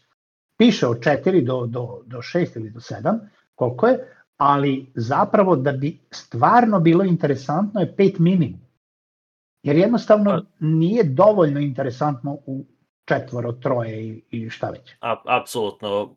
Što je, što je više, o, Bang u sve više igrača, to je interesantnije i postaje onako a, napeto više. Ne znam, ne znam dok, dokle ste igrali, u, sa koliko igrača ste igrali, ali Mi sa smo igrali sa full- 5. Sa 5 smo sa, stigli sa da full igramo. je isto, isto baš haos. Jer, Pa sigurno, sigurno, zašto ne znaš ko je ko zapravo i, i to je poenta ovaj, ta, kod, tih, kod tih hidden roll igara. Uh, tako da recimo, znaš, tu je jako diskutabilno šta kome paše, znaš, uh, recimo ja sam se oduševio nedavno sa igrom koju smo testirali, snimili, uskoro izlazi na kanalu, uh, War of Whispers. War of War Whispers, of Whispers je fenomenalna igra, ali ja čekam Collector's Edition kog nema nigde. Mnogo mi se sviđa kako su napravili Collector's Edition ove... Ne znam da li si uh, video, video kako izgleda Collector's video Edition. sam kako izgleda, Jer fenomenalno ja- izgleda. Kod, kod nas samo ima da se uzme običan i ne sviđa mi se kako izgledaju komponente za običan, upoređeno sa Collector's Edition. Jeste. Činjenica jeste, ovaj, tako, ali je igriva, igrivost je ista. Mislim, ja sam se, znači, to je igra na kojoj sam se prvi put oduševio na sam tutorial, mislim, koji sam pogledao. I onda kad smo odigrali u, u troje, je fenomenal. Fenomenal. U dvoje nije toliko dobra, može da se igra, ali nije ono, treba ti 3-4 igrača zato da, da bi stvarno, je, da, da, da, da, bi, da bi onako se e, ne bi znao ko šta radi, ali je sama mehanika igre e, i, i e, priča iza toga fenomena, a brza je, mislim, traje sat vremena. Da. I za one koji slušaju ovo i kojim slučaju imaju Tabletop Simulator, na Tabletop Simulatoru ima jedna mnogo dobra verzija uh, War of Whispers, super je odrađena. Sve automatizovano, sve kartice su tamo uh, i figurice su iz, uh, mislim ono, uh, napravili su ih kao, kao, ovaj, uh, kao Collector's Edition. Lepo izgleda. Eto, tako da, super, super, o, nadam se da ćeš naći Collector's Edition, stvarno dobro izgledaju sve ti, svi ti tokeni i jako puno se dobije, ne znam koja je u razlika u ceni, istina? Ne znam, između... pa zato što kod nas nema, a prilično sam siguran da je u dobrom delu, uh, da je rasprodato bilo, jer oni su izbacili jedan bulk kao Collector's Edition i onda je valjda rasprodato to bilo vrlo brzo i onda nema Collector's Edition na trenut. Mislim, barem kad sam ja tražio, tražio sam pre možda 3-4 meseca sam tražio.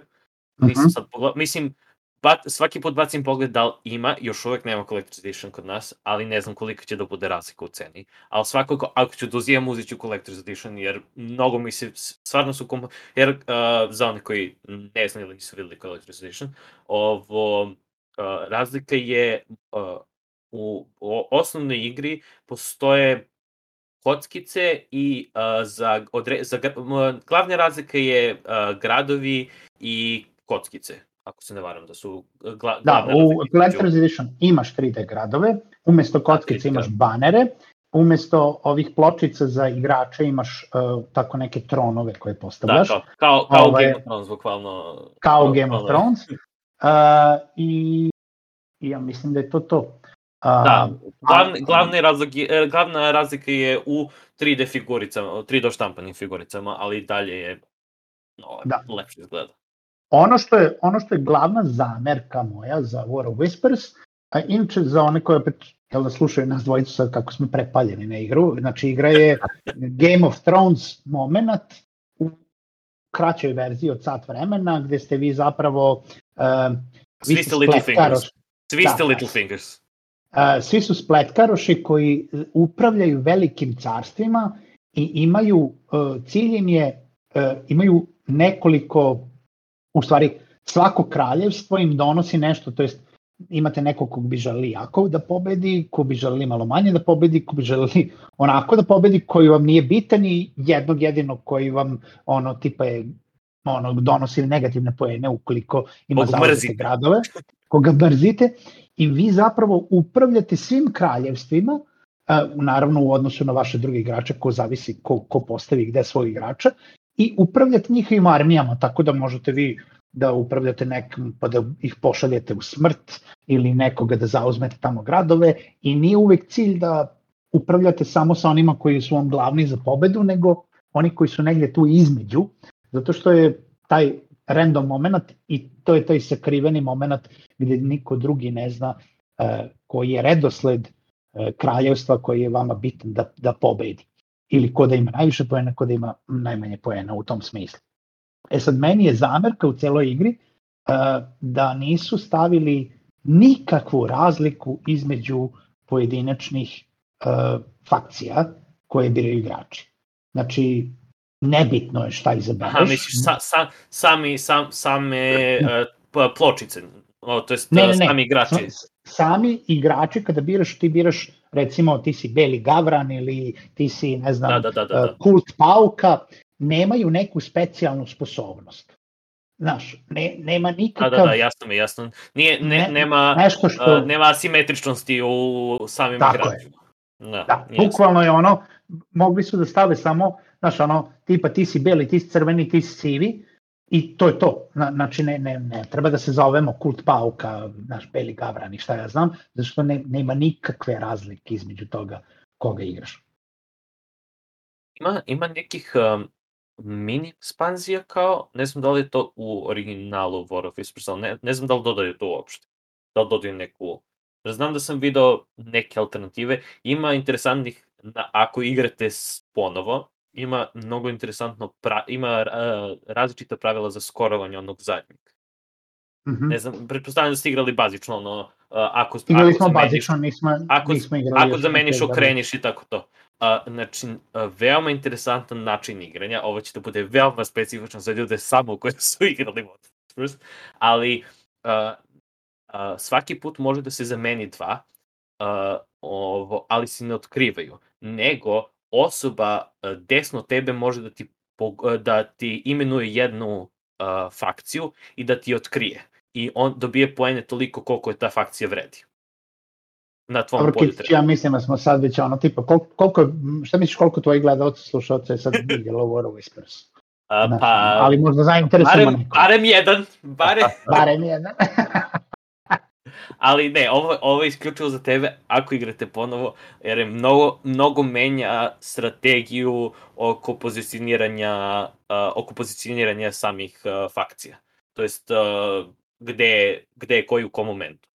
I imam jednu možeš- preporuku, izvini, ovaj, imam, e, pošto je bila pi- pitanje da li ima neka malo manje poznata ili čudnija igra koju bi preporučio, imam jednu preporuku igre koja nas je oduševila a, u odnosu na value for money, a, jer je, mi smo je stvarno jeftino našli, bila je na nekom ono, adventskom popustu, adventskog kalendara, a, i a, Alien Artifacts. Uh, Alien Artifacts je igra koja i dan danas nam se sviđa.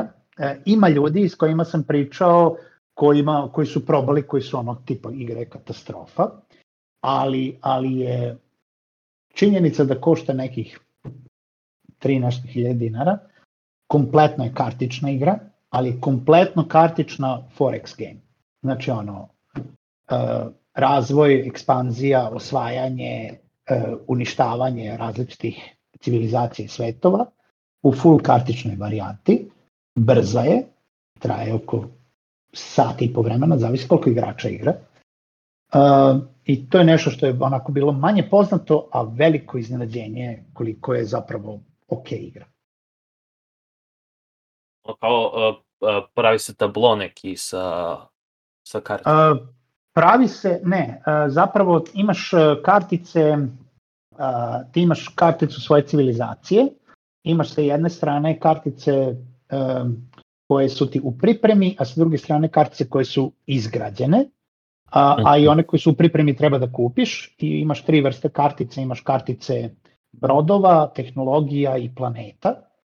I u odnosu na to šta ti je civilizacija, a, ti možeš da gradiš brodove, tehnologije ili planete, da ih e, prvo kupiš, pa da ih onda izgradiš, pa to radiš ono različitom kupovinom kartica, a svo vreme koristiš opet neku, neki drugi set kartica koji imaš uvek tri u ruci, koji kombinacijom različitih resursa na karticama gradiš ili kupuješ određene druge kartice i onda kartice su dvostrane pa imaš na jednoj strani da li je logistics, da li je ovaj aktivna kartica, da li je brod napada ili, ili ti daje neke specijalne sposobnosti, da li tehnologija ti daje neki in-game advantage ili ti daje end-game scoring, da li planete proizvode resurse ili, na primer, šta tamo ima još, da li ti daju neke popuste prilikom kupovine kartica. Tako da, uh, interesantna igrica, dosta brzo se uči, shodom nema tu puno pravila, samo non stop radiš jedno te isto. I ovaj, baš iznenađujuće bila dobra. Ali eto, to sam setio kao kad si rekao manje poznata čudna igra. Mm. Sad, koliko je nova, verovatno nije nova, ali, ali je interesantna. Nisam, nisam je vidio do sad.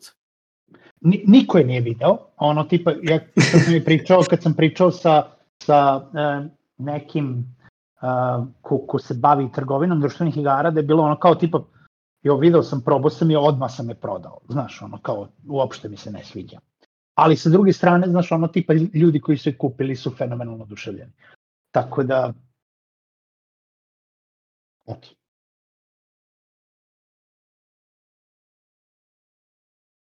Alien Artifacts za one Mm.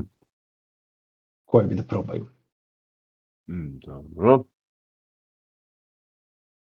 Zapamtim. Ako, Alien Artifacts. Zapi, zapisam. Pa za, za, za, čujem, čutite pa zapisujete, slu- slušam. da, da. Da, da. a sva trojica hvataju, znaš, ono beleške. Da, sve, sve u, u tefter. Da, da, da. da. Dobro. Kaži ti, Mitri. Ništa što isto samo. Ništa, ništa. Što A, dobro, znači, s- da, spominjali smo a, RPG, znači, D&D, jel, si probao neki a, od drugih RPG-ova? Mislim, jesi imao, jel si imao prilike što se tiče RPG-ova? Nažalost, ne. Znači, nisam, nisam stigao da probam ništa, ništa što, se, što nije D&D. Znači, baš iz sveta D&D-a i to peticu sam probao. E, dalje neki RPG kao roleplay nisam probao. Mislim, meni je ono, a, stvarno na- na nekom na nekoj granici toga su mi igre kao što smo pominjali, kao što su Twilight, Dune, koji, Dune, pazi, koji, koji je igra laganja, uh, znaš, ono, e, ovih e, pregovora uh, u tom smislu, uh, ali, ali nije pravi RPG, naravno, zato što možeš ti da se uživiš u to. ali, ali nije. A, da, uh, Gloomhaven i tako te stvari. Uh, Gloomhaven smo igrali Jaws of the Lion, uh, to je Mhm. počeli smo da igramo of the Lion, jedno kod Lacike stvari, Gloomhaven neotpakovan već uh, dve godine. Uh, Gloomhaven Yes. koji? Gloomhaven, Gloomhaven. Lele, dve godine ne otpakovan. Da, da, da, zato što je čekao da kao krenemo of the Lion i to smo krenuli i ja sad moram da kažem da ja, kao, znači, nisam neki veliki ljubitelj. Nisam zato što me, jako me vuče na, na D&D i na taj ceo, ceo taj sistem, a, a nije mi dovoljno otvoren. Mislim, taj, taj sistem s karticama me jako, mislim, nije mi legao kako treba. Um, pogotovo u Gloomhavenu, ja ću opet sad da kažem taj neki moment, što se meni ne sviđa, meni se ne sviđa to da uh, ne smeš tačno da se dogovaraš, a opet taj neki set kartica koji odigraš u napred, jako zavisi od toga šta je odigrao onaj drugi. I ti to ne možeš da promeniš. Mislim, mi smo prolazili tako, sad, znaš, koliko smo mi bili u pravu, nismo bili u pravu ili nismo dovoljno igrali, ja ne znam šta se dešava sada u petoj emisiji i tako dalje, ili u pravom Gloomhavenu, ali znaš, kao kako smo postavljeni, pa ne znam ko će igrat prvi, ali eto, ja mogu da napadnem ovog tu pored mene, znaš, ali ona iza mene isto može tog da napadne, pa onda on ga napadne i ubije ga, onda ja nemam ništa da radim, onda sam ja zapravo bacio potez. I to, znaš, to je tako meni bilo ono kao, ok, nije mi dovoljno, ne znam, nije mi lega. E, mogu znam, e, da kažem. Ne znam koliko se, koliko se Jaws of Lion i sam Gloomhaven razlikuju u mehanikama. Znam da je... Ne, nisam mehanika. bila- S- Sve ide, isto identično je, bukvalno uh, Jaws Line je samo napravljen sa četiri lika fiksna koje imaš i kao tutorial za Gloomhaven koji je, jel te, već. To je to, nema nikakve Da, razlike. znam, znam da je, znam da je ideja uh, Jaws of the Lion bila, uh, e, sve, sve u knjizi, ne mora da postavljaš, Da, nego bukvalno. otvoriš, otvoriš tu stranicu i ovo, to mi je bilo cool. Jeste. Ali Da. ne, znam, ne znam same razlike sem toga. Ono, Nema, to ti je, Jaws of the Lion ti je tutorial za Gloomhaven. Bukvalno. Aha. Znači, Da, da, da kad bi uzeo veliki Gloomhaven i kreneš da ga postavljaš, onda, onda znaš, ono, kao, znaš na čemu si. Mislim, ono što se recimo meni mnogo više sviđa su igre koje imaju, uh, imaju pod navodnicima Game Mastera, Dungeon Mastera, kako god hoćemo, ali su board gameovi, kao što je Conan, kao što je Descent, Legends of the Dark, uh, koji smo ono odigrali, ali nismo završili, jer smo bukvalno jednom koji, koju ediciju? To je, to je mm, veoma Second bitno edition. da se... E, dobro, Ili, a, čekaj samo. Jer, da, da, da ste rekli prvi edition, Grašić bi došao direktno do vas. Uh, Ne, ne, ne, o, u, sad, sad sam na brzinu, čekaj samo koji smo. Ovaj, je li second edition ili je, kol, koliko edicija ima? Dve. Uh, im, ima dve, prva edicija ona sa svim živim figuricama, second edition valjda malo, uh, malo je štorija, ali je, zato što je pravljena, updateovana je bila, ali je manje imala one tonu figurica i sve živo, više imala kao stand, stands, valjda, ne mogu da se setim kako, kako tačno, koja je razlika da je Grašić od on bi sad, uh, sad vremena pričao o, o Disentu, A, ali, ali ovo, znam da prva edicija ima baš puno minijatura i sve živo. Sec, Descents, Journeys in the Dark, second edition. Evo sad gledam snimak jedan koji sam radio, ono, tip za, za uh, igru. Znači, to je ta, ono, Descent, Journeys in the Dark, second edition. Um, I to je, uh, to je recimo super zato što za razliku od recimo jedna od prvih igara isto koje sam kupio tamo kad sam pričao Seven Wonders duelu je bio baš D&D board game, onaj uh, Mad Mage. A, Uh, baš uh, to. ovaj, da. I kako ti se dopao D&D board game? Nije mi se dopao. Pro, upravo sam ga prodao. A, mislim, nije mi se dopao zato što sam igrao D&D tokom Da. toga. Mislim, ono, i to je bilo, znači, bukvalno kom D&D monopol. Čak i, čak i gore. Zato što osjećao sam se jako limitirano i jako linearno. Pazi, kad talisman je bolji od toga.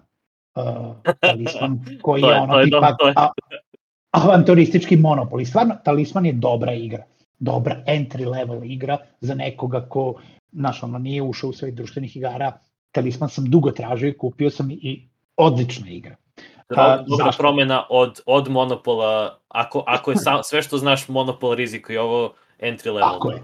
Tako je, ali, ali znaš, e, talisman nervira u tom smislu da moraš da baciš tačno određeni broj na kockici da bi sleteo na polje koje želiš. Masivan je. Da, ali recimo uh, Mad Mage D&D board game je ono tipa ti zapravo imaš 3-4 kartice ili, ili možda čak i manje akcija koje možeš da radiš. I to je to, ti krećeš se, udariš, ideš, udariš, krećeš se, udariš, ideš, bežiš. Uvek Mhm. dolazi, znači ono tipa kao, ne, mislim, nema tu ništa da sad se mislim gde ću, šta ću, rešavam neke zagonetke, uživim se u to, nešto se desi dalje od toga da, da idem samo dalje kroz, znaš, ono, znam da je između 9. i 12. tajla je tajl koji mi treba. Treba da otvaram tajlove do, do tog tajla. I to je to, Da, ja, sam- ništa drugo. ja U, sam u imao, Descentu, ja u sam Conanu prilike- imaš... Da, kaži.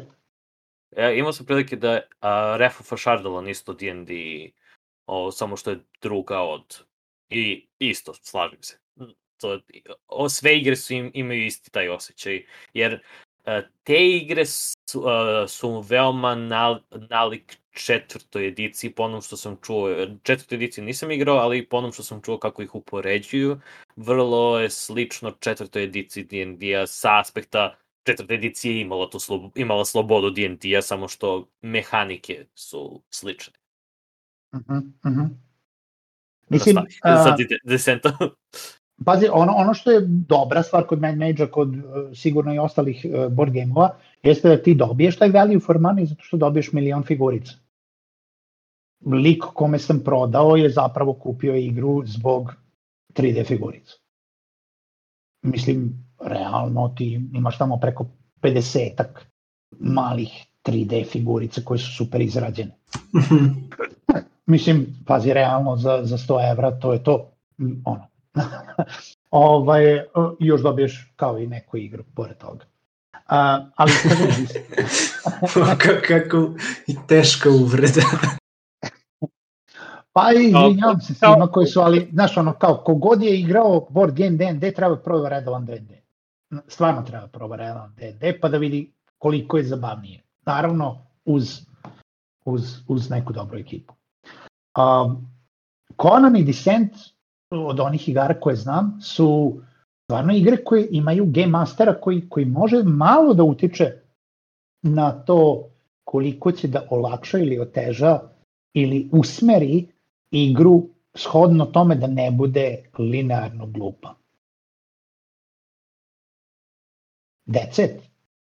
Mi smo se upišali jednom na Konanu koji smo igrali, ja sam i samo jednu odigrao, gde smo igrali sa petoro nas, ja, ja sam vodi, ovaj, vodio ove negativce, i znaš, ono kao uleti Konan u sredinu, u sredinu sela i izvuče neku ogromnu zmiju napolje koja ga zarobi i ne može da se pomeri od nje.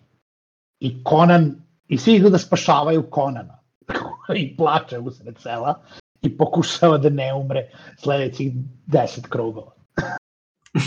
Tako da, bilo, bilo je jako interesantno, ovaj, pogotovo što je liko igra Konana bio samo ono kao ti, ja sam Konan, i izašao ono kao, spasite me. Ovaj, ali, to je bilo samo Upoć. fluk. A, Star Wars Imperial Assault si probao? A, Imperial Assault nisam. A. Igra od ovih Star ima, Wars ima te, igara, te, te, te osjećaj, taj osjećaj isto. Sa Dungeon Masterom, sa figuricama i tako. aha, e to nisam probao, od, Star Wars igara sam probao Outer Rim, a, to ima Hrvoje, a, i probao sam ovaj, o bože, sad sam zaboravio kako se zove ovaj, e, ovo za dva igrača, ogromna igra. Uh, Rebellion. Rebellion, Rebellion. Rebellion. Jeste. Da, Rebellion je jedna od onih igra koje ja hoću da igram, ali nikad nisam uh, uhvatio neko ime Rebellion da probam. Ali sam čuo da je, E, da je solidna igra. solidna. Nisam jako oduševljen, a ni, ono, tipa nisam, reci, to je igra koja ima taj, taj moment velikog uh, setupa naspram, naspram same igre. I plus toga igra se u dvoje, može da se igra u četvoro, u četvoro nije toliko zanimljivo kao u dvoje, po meni. Um, I taj moment, to je ona igra mačke i miša. To je onako, znaš, mi idemo tu, jesi tu, nisi tu. Dobro, idemo dalje. Znaš, e, i, i tako, da nisam jako bio oduševljen, ono, ali, ali ok, mislim, opet taj 3D figurice i sve ostalo što ide uz to je, e, je super. Uh, hteo bi da probam War of the Ring, koji je na isti fazon, samo u svetu, ono, uh, Lord of the Ringsa. Uh, I isti fazon je tako, ono, imaš družinu koja ima ono tako tipa četiri člana i imaš ono ovaj Mordor koji je ono tipa se koti po, po tabli ko, ko pandemic sistem. Uh, koji zapravo ja inače nisam neki veliki ljubitelj pandemic sistema, ono tih igara ono koje te ubijaju u pojam ovaj, od ovaj, svakom krugu. To je lacika više ovaj, u, u tom fazonu. Robinson Crusoe, Robinson Crusoe je... A, da, to, čuo sam da je, čuo sam da je Robinson Crusoe uh, mučenje. Uh, To, je- Da je to ono ti kao- za prave mazohiste onako, znaš, to ako, ako ne voliš sebe, ako želiš... Da, Da, imao sam uh, first hand iskustva sa, uh, to jest uh, osoba mi je pričala avantur Robinson Crusoe i sve što mi je pričala bio sam po sistemu, ovo uopšte ne zvuči za zabavno, ali ovo kao, uh, nastavite s tim. To je Ne, ono, ja, bro- sam, ja sam rekao, igra, igra kao Robinson Crusoe je ona igra koja kada pobediš, slučajno si pobedio. Znači, možeš ti Ja. da lažeš sebe kao ja sam imao plan, ja sam to, ali zapravo ako ti pobediš u 10 do 20% slučajeva do 100% slučajeva koji igraš igru, to znači da si ti sasvim slučajno pobedio. da, Imaš apsolutno. gomilu kockica koju baciš, tipa, na, nema ništa dobro na tim kockicama. Apsolutno ništa dobro ne može da se desi kada baciš te kockice. Znači, ono kao, ok, Nezadovoljno Oh. bacanje kockica. da, da, mislim, ono, imaš to. Imaš recimo, uh, koja je bila još jedna igra tako? Pa, Aliens. Aliens je meni isto kopi igra koju, eto, ja nisam uopšte oduševljen sa igranjem, evo, Lacika je oduševljen sa igranjem isto tako. E, Eli, igrali ste Aliens? Uh, ja nisam igrao, Ja nisam, uh, za, Nisam za, ja. nisam, nisam imao. Igrao Ali gledali ste drugi, drugi, drugo je, drugi ovaj, nastavak filma Alien. ona Aliens, kada Mhm. Aha. sigurni Viver ide na onu planetu pa spašava onu devojčicu i tako dalje. E, Mhm. Aliens igra je, u, znaš, ono, tipa board game drugog filma. Zajedno sve sa sigurni Viver i svim glomcima iz tog filma koji imaš naslikano na, na ovim, na, na tajlovima. I prvo što ti daje igra onako da, da isečeš uh, kad, kupiš igru, onda uh, nadam se da voliš da sklapaš ono minijature plastičnih aviona, pošto takve alijene dobiješ, da ono tipa iz onih plastika isečeš, ovaj, klipuješ ovaj, delove alijena i onda ih sastavljaš ovaj, deo po deo, a, da bi uopšte mogu da igraš. I oni fantastično izgledaju kad su sastavljeni, samo ti treba to jako da voliš. A, I druga stvar je što opet totalne randomne se igre koji koji te isto ubija na svakom koraku, jer ti zapravo aliens će se pojaviti, samo je pitanje da li se pojaviti jedan ili 17. I onda ti dođeš do te devojčice, ne znam, u prvom scenariju, treba baciš kockicu da je smiriš da bi uopšte pošla s tobom. Mi smo tri kruga izgubili zato da bi bacili peticu na kockici, da bi, da bi ono, devojčica pošla s nama, ja bi je upucao već, ono, tipa posle prvog kruga. Ostavio bi Ne želimo, zašto smo dolazili Znaš, kude? Brate mili, hoćemo te spasimo, ćeš s nama ili nećeš s nama, znaš, ono kao. Što ono, gubimo tri kruga, ovi se sponuju oko nas, zato što ne, niko ne može da baci peticu, ovaj, ili više od četiri. I, i znaš, ono, izlazimo napolje i dolazi 25 alijena. Ono, nema šanse, nemaš municije, nemaš ništa i ubijete igra. I sad opet, isto tako, znači taj, taj moment, te, te slučajne pobede, te šanse meni uopšte ne pije vodu. Mislim, mene ne tera. Ja totalno kontam igrače koji vole da ih igra urniše, su ono da je to jako dobro, ali eto mene, mene ne radi. Mene radi to da imam neku kontrolu nad igrom, da igram strateški, da može da bude malo randomnesa, ali, ali da je zapravo način na koji razmišljam i šta uradim u igri direktno utiče na igru ovaj, ili odluke koje donosimo u igri. Uh, jedina igra koja je co-op koju, koju sam stvarno bio baš voleo i dan danas volim je Spirit Island. Ta igra te isto tako urniše, ono tipa isto imaš taj spon, ali vidiš tri koraka unapred i onda shodno tome kako ti taktički organizuješ sebe sledeća tri koraka, ovaj, to će direktno uticati na, na ishod igre. To sam ti onaj um, Atlantis Rising je na taj fazon. Da je ono kao zab, zabavno da se igra, ali isto tako to uništava. Pa, Ali, to, da, to je jedna od onih igra koje sam mislio to da, da, da nađem. Ali ih ima, ima kod nas. Se... Uh, da. Im, te igre su ono hit or miss. Zavisi od, zavisi od šta osoba voli. Da, mislim, kad sam, za Robinson Crusoe, kad sam čuo uh, da, evo već sedmi put igramo tutorial i ne uspevamo da ga pobedimo. Da. Zašto nastavljate da igrate ovu igru? Tako Da, uh, ja sam, mislim, nije, nije Robinson Crusoe niti takav tip igara, ali ja sam čuo, ja sad nisam igrao Gloomhaven uh, i nisam previše informisan kako funkcioniš, ali čuo sam od jednog druga, oni, nje, njegova ekipa igra Gloomhaven i oni uh, igraju i uvek ono, kad im pomru likovi kao šta god završi se, uh, oni kreću naredni put kad se nađu, kreću iz početka. I ja sam mislio da Gloomhaven može da se igra po misijama, jer ovako, ne, ne znam, ja ne bih podneo da imam onoliko igru i da se da stalno iznova igram iste misije kad znam da postoji toliko igre u njoj. I onda, Pa Lazo, ti otva, kako završiš na određeni scenariju, ti otključavaš drugi scenarije. I sad ako ti na jednom od tih scenarija failuješ, ti možda replayaš taj scenario samo boljem, da ga odradiš taktički i onako i dobiješ još nove scenarije. I onda, ono, aj plus tipa, jedan scenarij ti otvara tri scenarija i onda kad kreneš na taj jedan od njih, onda ti on otvara još tri scenarija. Samo otvara i otvara i otvara i otvara i plus ima drugi način da otvoriš tipa neke scenarije koje ne možeš da dobiješ. Tipa imaš road cards i city cards koje izlačiš tipa kad se, kad se, kad se posle scenarija vratiš u grad i izvučeš city kartu, pročitaš šta piše na nju i neko od njih može da da nagradu tipa otključi scenario broj taj taj. Ili neke druge stvari koje se vezuju Mhm. vezane za in-game. Road card, i one su kao dobre.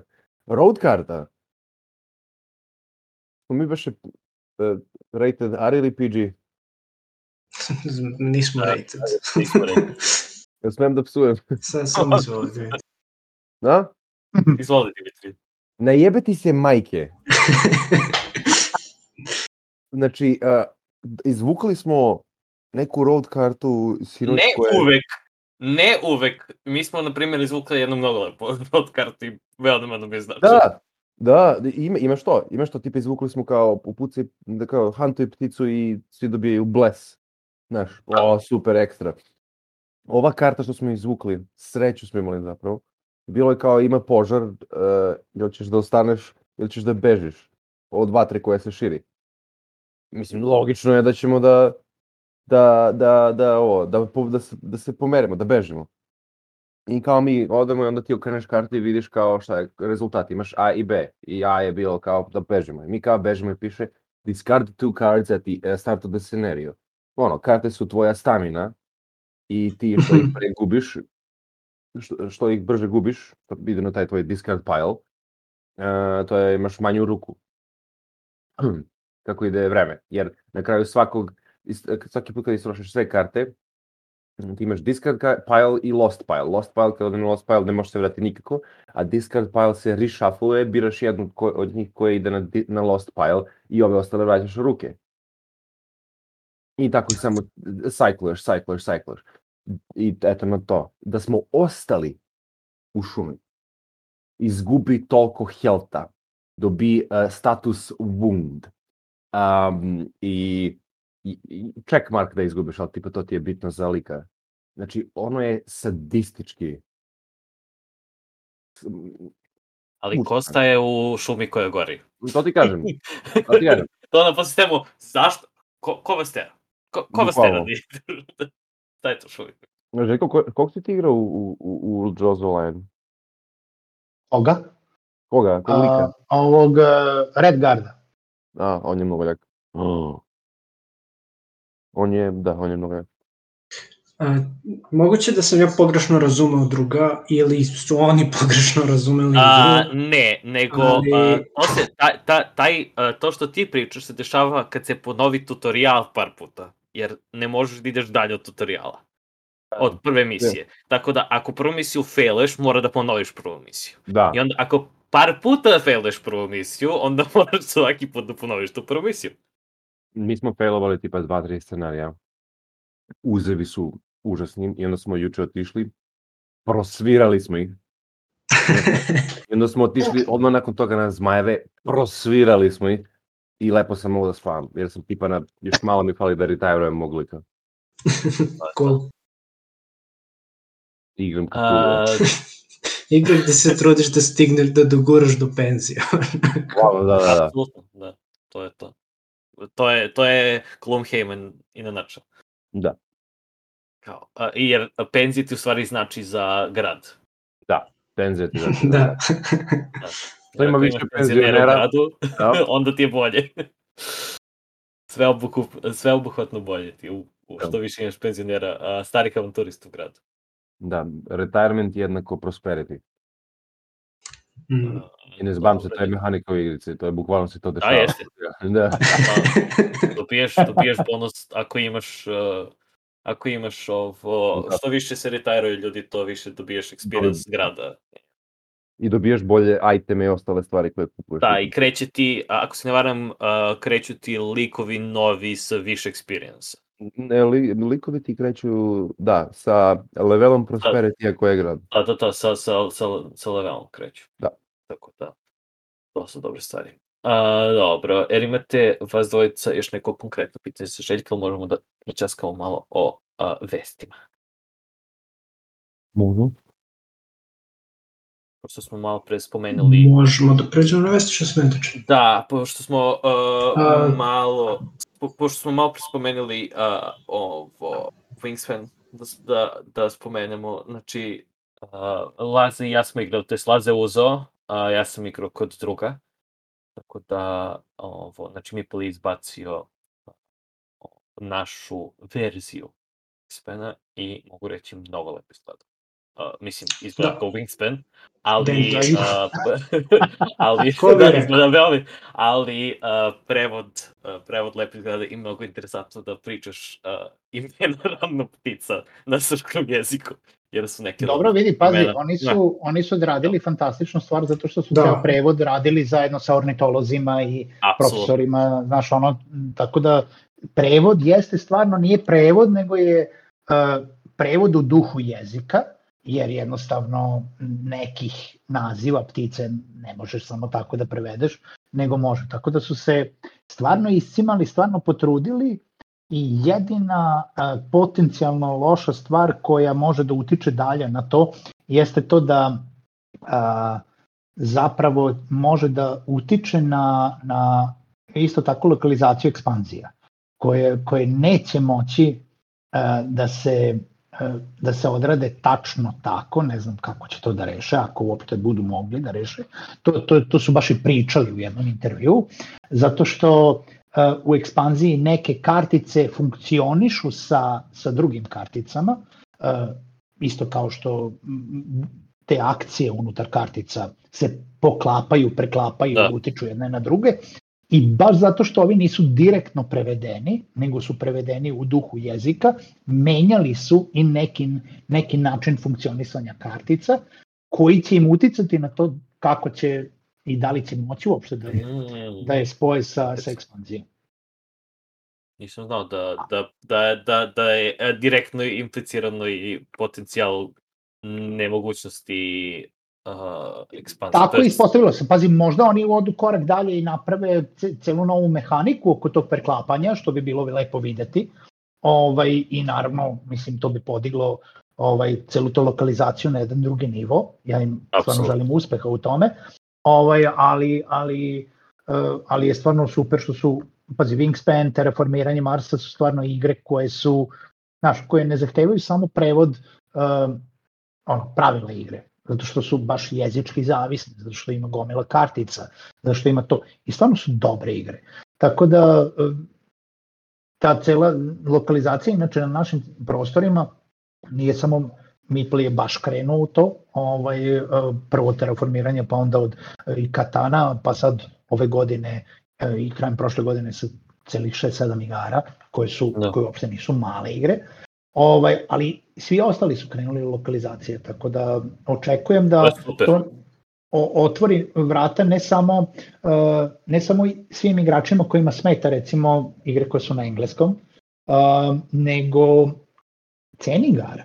Zato što lokalizovane igre su mnogo povoljnije za, za naše tržište.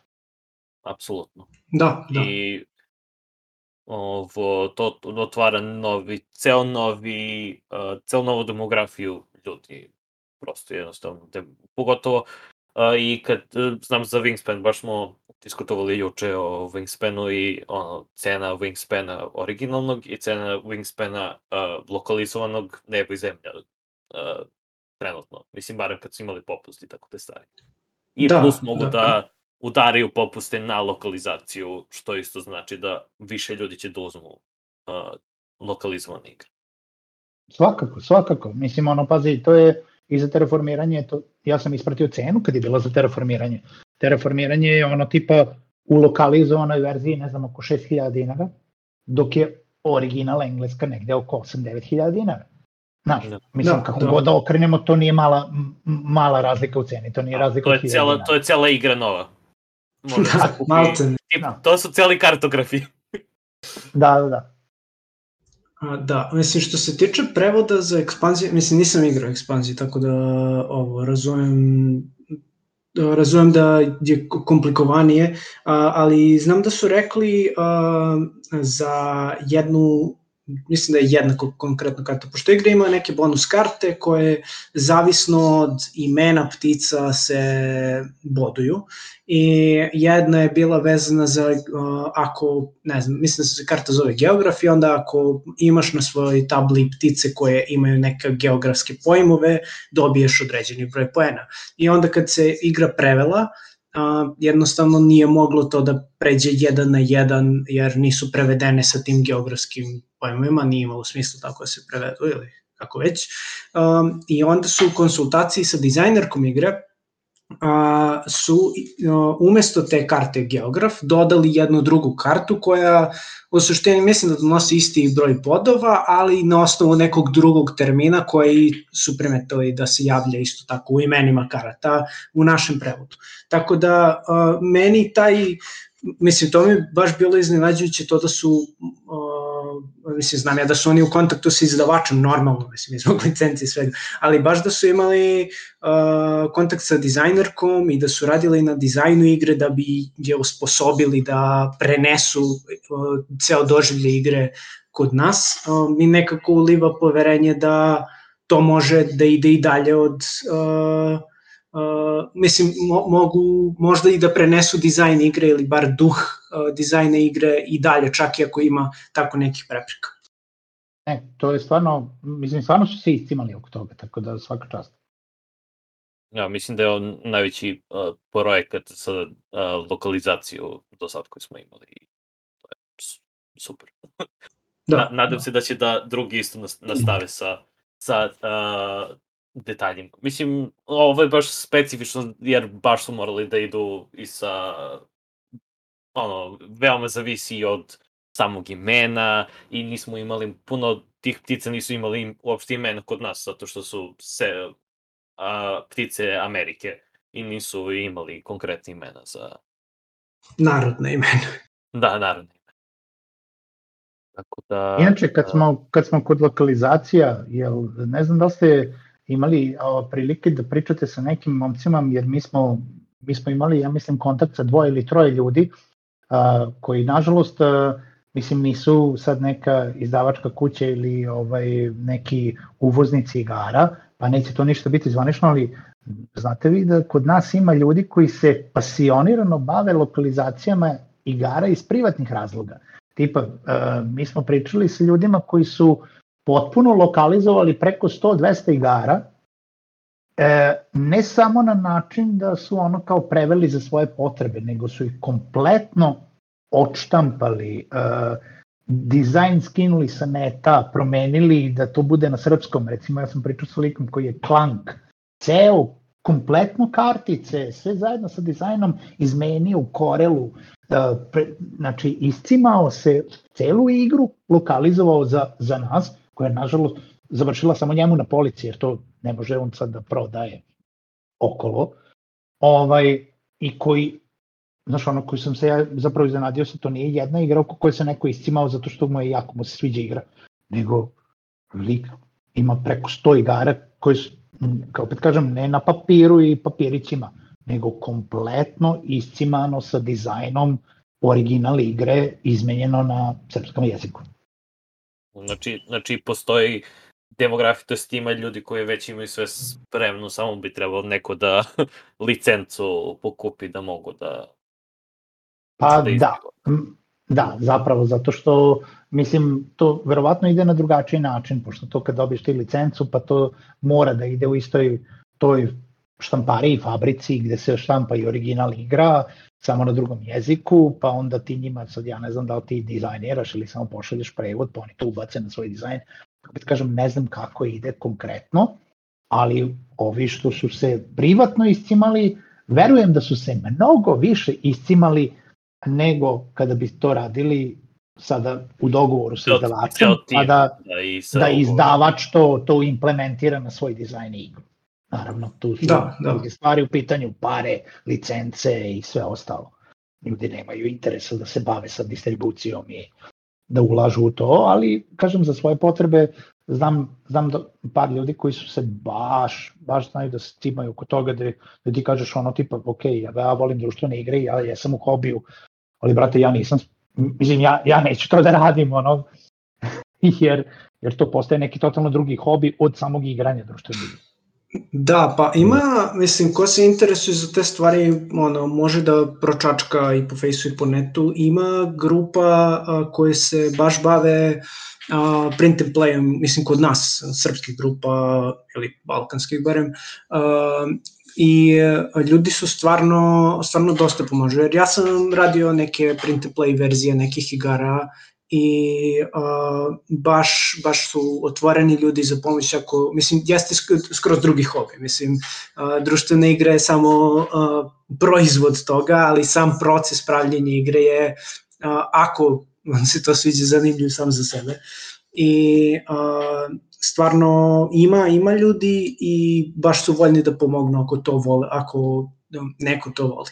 Uh, ja sam se malo dotakao, mislim, nisam ja nikakav prevodilac, ali uh, iz nužde smo se dotakli devojka ja prevođenja jedne igre, ove, um, kako se zove, uh, Trash Island, uh, zato što smo je nabavili u Poljskoj, i onda nam je, uh, jel te, igra je došla na poljskom, ali ima mali broj karata i onda smo rekli, dobro, mi možemo to prevedemo, a kad ga već prevodimo, što da ono, što da kopiramo engleske karte, što ga ne prebacimo na srpski, jednostavno, mislim, ono, da mu damo neki naš, naš mek i onda smo uh, i onda smo preveli igru i ubacili u slivove i tako to i mislim, lepo je, ne znam, ja, ja više... super izgleda.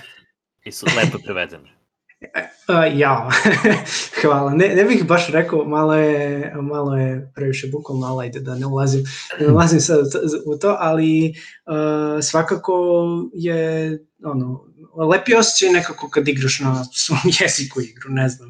Uh, I zato mislim mnogo sviđa i što, što se pokreću, mislim super sad što kaže koji da konflikt kreće sa svojim uh, sa svojim lokalizacijama i što Meeple već neko vreme to radi, uh, baš je i to što vodi dosta nove ljude u hobi, a i to što uh, ne znam, meni je baš mi je lepo osjećaj da igram ono, na svom jeziku igru nekako. Komotnije se osjećam koliko god da sam naviknut na engleski jezik, naročito za igre. Momci, A, ja e, moram samo da vam se odjavim. ja ću Može. da iskuliram malo. A, Željko, bilo mi je baš drago da smo se upoznali. A, Ali što si bio? tamam posla. Ja se izvinjavam što idem malo ranije, ali uh, čućemo se. Ajde, Pa. Čujemo se, Dimitrije. Dimitrije. Ćao. Pozdrav Dimitrije. A, dobro, a, kad smo na temu naših igri, a, za još jedna stvar koja je krenulo da polako se širi jeste Kickstarteri za naše igre. I a, prvenstveno imamo jedan koji je trenutno a, aktivan, a to je Vojvodina. To jest, oni su izbacili, su, Vojvodina kao igra postoji već a, koliko, otprilike godinu dana možda, možda malo manje ali sada su izbacili Kickstarter sa uh, ovo dodatkom, uh, znači ovaj uh, uh, lep, uh, sre, sredili su lepo ovo, slike i dodali su nove stvari, uh, sredili su malo tokene i tako to, tako da imamo uh, Željko ti si, vi ste radili recenziju, ali tako? Jes. I koja je, koja je ovo presuda uh, na Vojvodini? Kako vam se A, dopalo? pa, da. ovaj, Vojvodina je onako jedna lepa, jednostavna uh, mala igrica uh, koja onako je uh, našla, našla put do, do dosta ljudi, ovaj, verovatno i dosta polica zbog imena i zbog nekako onako uh, lokal patriotskog momenta. Um, što se tiče što se tiče same igrivosti um, ima ima neki moment gde je nama Boris e, pisao da su e, promenili određena pravila to jest da su ih updateovali u odnosu na to što što je nama bilo poslato prvi put kada smo igrali i pročitali igru i e, jer kada smo mi igrali jedan moment uh, osjećaj u igri je bilo uh, da je prebrzo gotovo u smislu da e, posle prvog kruga e, zapravo jako brzo ti se potroše opcije koje može da radiš u drugom, trećem i, i, ili četvrtom krugu. I, I zapravo ono tipa prvi krug ti je možda najbitniji, drugi krug posle toga je kao isto bitan i treći, četvrti je ono tipa šta ti ostane. Uh, jer jako, jako brzo se potroše opcije i ti zapravo odbaciš sve karte i ostaneš ono, ti, mislim, krug se završi za, za dva minuta. Um, nije neka igra koju, koju, će, koju bi igrao non stop, mislim sad da kažemo ono ćemo da kupimo i potrošiti ne znam ja, sate i sate igranja na nju. Uh, znam da je jako puno klubova uh, iz podrške uh, ovaj, i, i dizajneru i izdavačima organizovali ovaj turnire u Vojvodini. Nisam čuo kako su zapravo prošli uh, turniri, mislim koliko je bilo igrača, ko, kakvi su bili utisci, da li su zapravo sad tu neke određene strategije bile razvijene. Uh, igra je po meni onako, ono, sad, super je, znači prelepe su mi dizajn, kartice, tematika, um, nije nešto sad ono tipa sad što, što mogu sad da kažem ono da je na, i, i blizu mojih top 10 igara, ako uporedim sve, sve žive igre koje sam igrao, ali onako, znaš, ono kao, mo, može da, može da bude Šarmantna. ok igrica. Šarmantna, e, dobra reč, šarmantna. To. To. A, ovo, zajedno sa Vojvodinom koji je na Kickstarter, oni su izbacili novu igru isto, Kraljevi Srbije. Kraljevi Srbije. Da je, da, vidio sam da je, ne znam da li ste imali o, Kraljevi Srbije su stigli, poslali su nam, ovaj, a, stigli su kod nas. Nismo još stigli da je, da je odigramo, pošto nam je jako puno bilo zagužvano a, što mm -hmm. se Mhm. tiče ovaj, redosleda igara koje smo trebali da, da reviewujemo. Po, ja sam pregledao igru, otvorio je prelepa igra, ono stvarno mnogo kompleksnija nego Vojvodina. O, u tom smislu podsjeća na Dominion. Uh, us, Da, ono vidio što sam, vidio sam da recenziju, pogledam. uh, Pitchwise radi, ja mislim. Jeste, jeste, Pičo Da, da, da. super odradio. I Pičo, jako mi se sviđaju, a, ovaj, uspeo da kažu sve što treba u 5 minuta, nama to nikad nije uspelo u videu. Znači, mi kad hoćemo da skratimo video, onda traje oko tipa 15-20 minuta, ako hoćemo baš sve da kažemo, onda traje 30-35 minuta i dalje ne kažemo sve o igri. Ovaj, tako da, e, ne znam, ono, ovo je možda bi, možda bi trebalo da, da, da razmislimo kako to možemo da uradimo u 5 minuta. A, e, mnogo bolje izgleda, kažem, nego Vojvodina, mnogo kompleksnije izgleda, ali nisam još stigao da odigram, da kažem sad neko lično mišljenje a, što se, što se tiče full gameplaya. A, pa dobro, znači onda uh, uh, očekujte to u nekom budućem videu. Da, da, da, Kraljevi Da. Srbije će biti sigurno u narednih pa sad, sad ću da kažem dva meseca pa da budem skroz siguran. Da, da, nećemo, nećemo da, neće, uh, daćemo okvirno u budućnost, da ne Da, da, budemo... da, ove godine budu Kraljevi Srbije, ono O, na kanalu. ovaj, ali, ali da, mislim, ono, Kraljevi Srbije, mislim, pazi, e, sad, tematika je dobra, de, rad, Dominion je dobra igra kao deck builder u, u tom smislu, tako da e, ta neka sličnost sa deck buildingom naspram zauzimanja određenih teritorija i trošenja određenih resursa je samo pitanje kako je zapravo implementirano igru i da li je, da li je dovoljno No. zanimljiva i igriva. Htio bi da, htio, nas- htio bi da probam toga. to, htio bi da probam. Mislim, vidio sam kako funkcioniše, interesantno je. Htio bi da vidim kako, kako se igra i uh, koliko uh, zavisi od igrača. To, to bi htio da, da, Da. da bacim pogled. Uh, verovatno ću u, nekoj, u nekom... U, kad krenu klubovi lepo da... Ono, uh, budu- Ja Ja moram, si- da, ja moram da vidim, znaš, ono kao pomenuli smo kao Kickstarter, pazi, Vojvodina je izašla na Kickstarteru sa, znači, nakon što je izdata, nakon što je sve, mislim, uh, pazi, super je način za, za podizanje nekog ovaj, kapitala u tom I- smislu, ali pa i nije ni marketing. neki, Mari, ovo je, ja mislim, više marketinški izašlo na Kickstarteru, zato što Da. cilj od 2000 dolara nije cilj koji će sad uticati na to da li igra izdata, nije izdata, i Da. tako dalje. Mislim da je isključivo marketinški.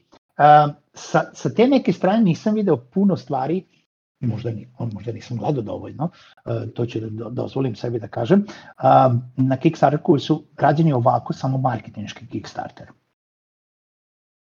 A, puno video igra ovo rade, ali ne toliko društvenih igra. Jer sam, ja sam vidio uh, video igre koje su uh, skoro, bukvalno gotovo, to pričali smo u nekoj od prošlih epizoda, baš mislim da je Laza spomenuo, da ono, neće sa tim parama završiš igru, ali marketing Kickstartera je veoma znači. I, Da, da. i Investiraju se ljudi onda i... Da. Uh, ali mislim da, mislim, mislim da ima toga malo i u društvenim igrama, zato što neke od igara koje izlaze na Kickstarter, naročito one a, velike, kaže ga, sa onako baš profesionalnim, ogromnim Kickstarter kampanjama, a, meni se ne čini da ti ne možeš, da ti možeš onako nešto da uradiš bez da već imaš izdavača i da si osiguran. E, mislim, ne znam, to je možda moje laičko vanjsko mišljenje, ali, ali mislim da ima kampanja koje su ono, već sa izdavačima, ali Kickstarter je prvo dobra ono, procena rizika, a drugo kao marketinško sredstvo isto je odlično. Mislim, vidi, e, nema puno domaćih izdavača, onih, onih pravi domaći. Mislim, ja, Vojvodina, to jest Brave Giant Games imaju i Vojvodinu i Kraljevi Srbije, onda imaš, ne znam, ove Kerberovce što imaju Final Challenge, imaš, uh, mislim, Radgosta koji su imali fenomenalnu ovaj Kickstarter kampanju koja je bila svuda zapažena, sad kakva će biti igra vidjet ćemo, jel da, jer Kickstarter, čak i oni koji su podržali, to dolazi tek krajem ove, početkom sledeće godine, tako da vidjet ćemo kakva zapravo igra bude. Uh, mislim, imaš ove e, momci iz da, momke iz Dašboga koji su onaj uh, overtime napravili. Uh, da, da. Mislim, i sve te igre su nebitno da li su igrive, ne igrive, dobre, loše, znaš, brat mili neko se iscimo napravio igru koja je dovoljno izgurana dotle da može da se prodaje i kakva god daje ima neku svoju publiku. Mislim, kapa dole. U svakom da, da, svakako. Sve te, da, da, da, da, sve te kreatori igara. Ovaj, tako da, mislim, vremenom će doći do toga da to budu fenomenalne igre neke. Znaš, ono koje, pazi, imaš Tako na sve tržište tako imaš i dobrih i loših igara. Imaš igara koje treba da budu jednostavnije zato što treba da privuku entry level igrače. Imaš no. igrača, to jest igara koje treba da budu kompleksnije zato što jednostavno mi koji smo sad već u igrama nismo dovoljno, ne drže nas ove entry level igre. Jebi ga. Da, ili, da, ili, ili, naš... da, ili, ili igramo ih samo kad imamo ljude koji, kojima pokušavamo da plasiramo uh, društvene igre kao hobi. Pa da, ali i to je ono tipa sad već pitanje, ono, znaš, ono, to igramo na večeri društvenih igara, kada, znaš, ono, učim dru, druge društvene igre, onda ne igram sebi za dušu, što, što kažemo, nego igram zato da, da neko drugi bude zadovoljan. Ne bi to da. dalje sad prijatelj da, da, da, došao neko pa platio šta već. Tako da. To, uh, mislim da uh, ovo imamo uh, da zadnji Kickstarter što se tiče nas, uh, Downtown Chase izbacuju uh, ovo, ki, naš studio. Uh, Jeste, Lukašin su... i oni koji su izbacili Marš na Drinu. Da. Da. Ne znam da li ste, ne znam da li ste videli, ovo, oni imaju, treba sad da krenete Kickstarter, tako da izgleda interesantno, minijature su cool. Ne znam detaljno, detaljnije što... Ne znam ništa o tome, znači pogledao sam Kickstarter da, da će tek da izađe, nisam stigao da, znaš, pošto Kickstarter nije lansiran, pa da sad pročitam da, da, da, to. sve igri što, što ima, vidim da je dizajn super urađen, uh, naš, ne znamo ni Marš na Drinu, uh, kakva je, nismo, nismo stigli do igre, uh, ovaj, nismo ni kontaktirali sa, sa izdavačem, a, još, jer jednostavno, opet kažem, ne stižemo, ne stižemo da uradimo pola stvari što, što želimo, ali, ali će, no, valjda sve na svoje. Da, ono, pa dobro, o, e, pa tempom koji vi idete dve, dve igre na jedno, ne znam, A ta će da ne, dođe. pazi, čak ni onda ne stižeš da uradiš sve što hoćeš. Ja posle, posle ću vam pričati šta, šta nam je sve uh, u planu, u idejama, mislim, samo jedan deo toga koji, kada bi samo krenuo da nabrajam, je već puno u smislu tipova emisija koje želimo da imamo, a ne samo da ne pričamo da, da, da, samo jasno. da se bavimo pojedinačnim igrama u svakoj epizodi. Da, ono, vas je, uh, vas je trojica, to je četvorica sad, ono, aktivno, pa tek onda još šta, ono, nemate, nemate, vi nemate vremena za koliko stvari hoćete da radite. Pa da. To, jasno. A, da, to je otprilike što se tiče uh, naših igra. A, ovo, što se tiče naših igra, mislim, sad, sad si neki spomenuo, ali ima neka, ono, koja ti je bila highlight baš, što se tiče naših igra, ili uh, možda neki interesantan dizajn, tako Što, što, je, što ti je privuklo pažnju? Pa, ne znam. Nema, mislim, nema ih mnogo, tako da... Nema ih ono, mnogo, uh, nema Da. ih mnogo, možda čak i ne znam sve koje su izašle, si, u stvari siguran sam da ne Sigurno, sve. da. Ovaj, uh, overtime sam igrao uh, pre nego što sam znao da je to naša igra, pre nego što sam znao, pošto je drugar u, na poslu bio kupio još, ne znam, kad, kad su oni imali Kickstarter valjda, uh, i donao je ono kao tipa u hub na posao, pa smo igrali.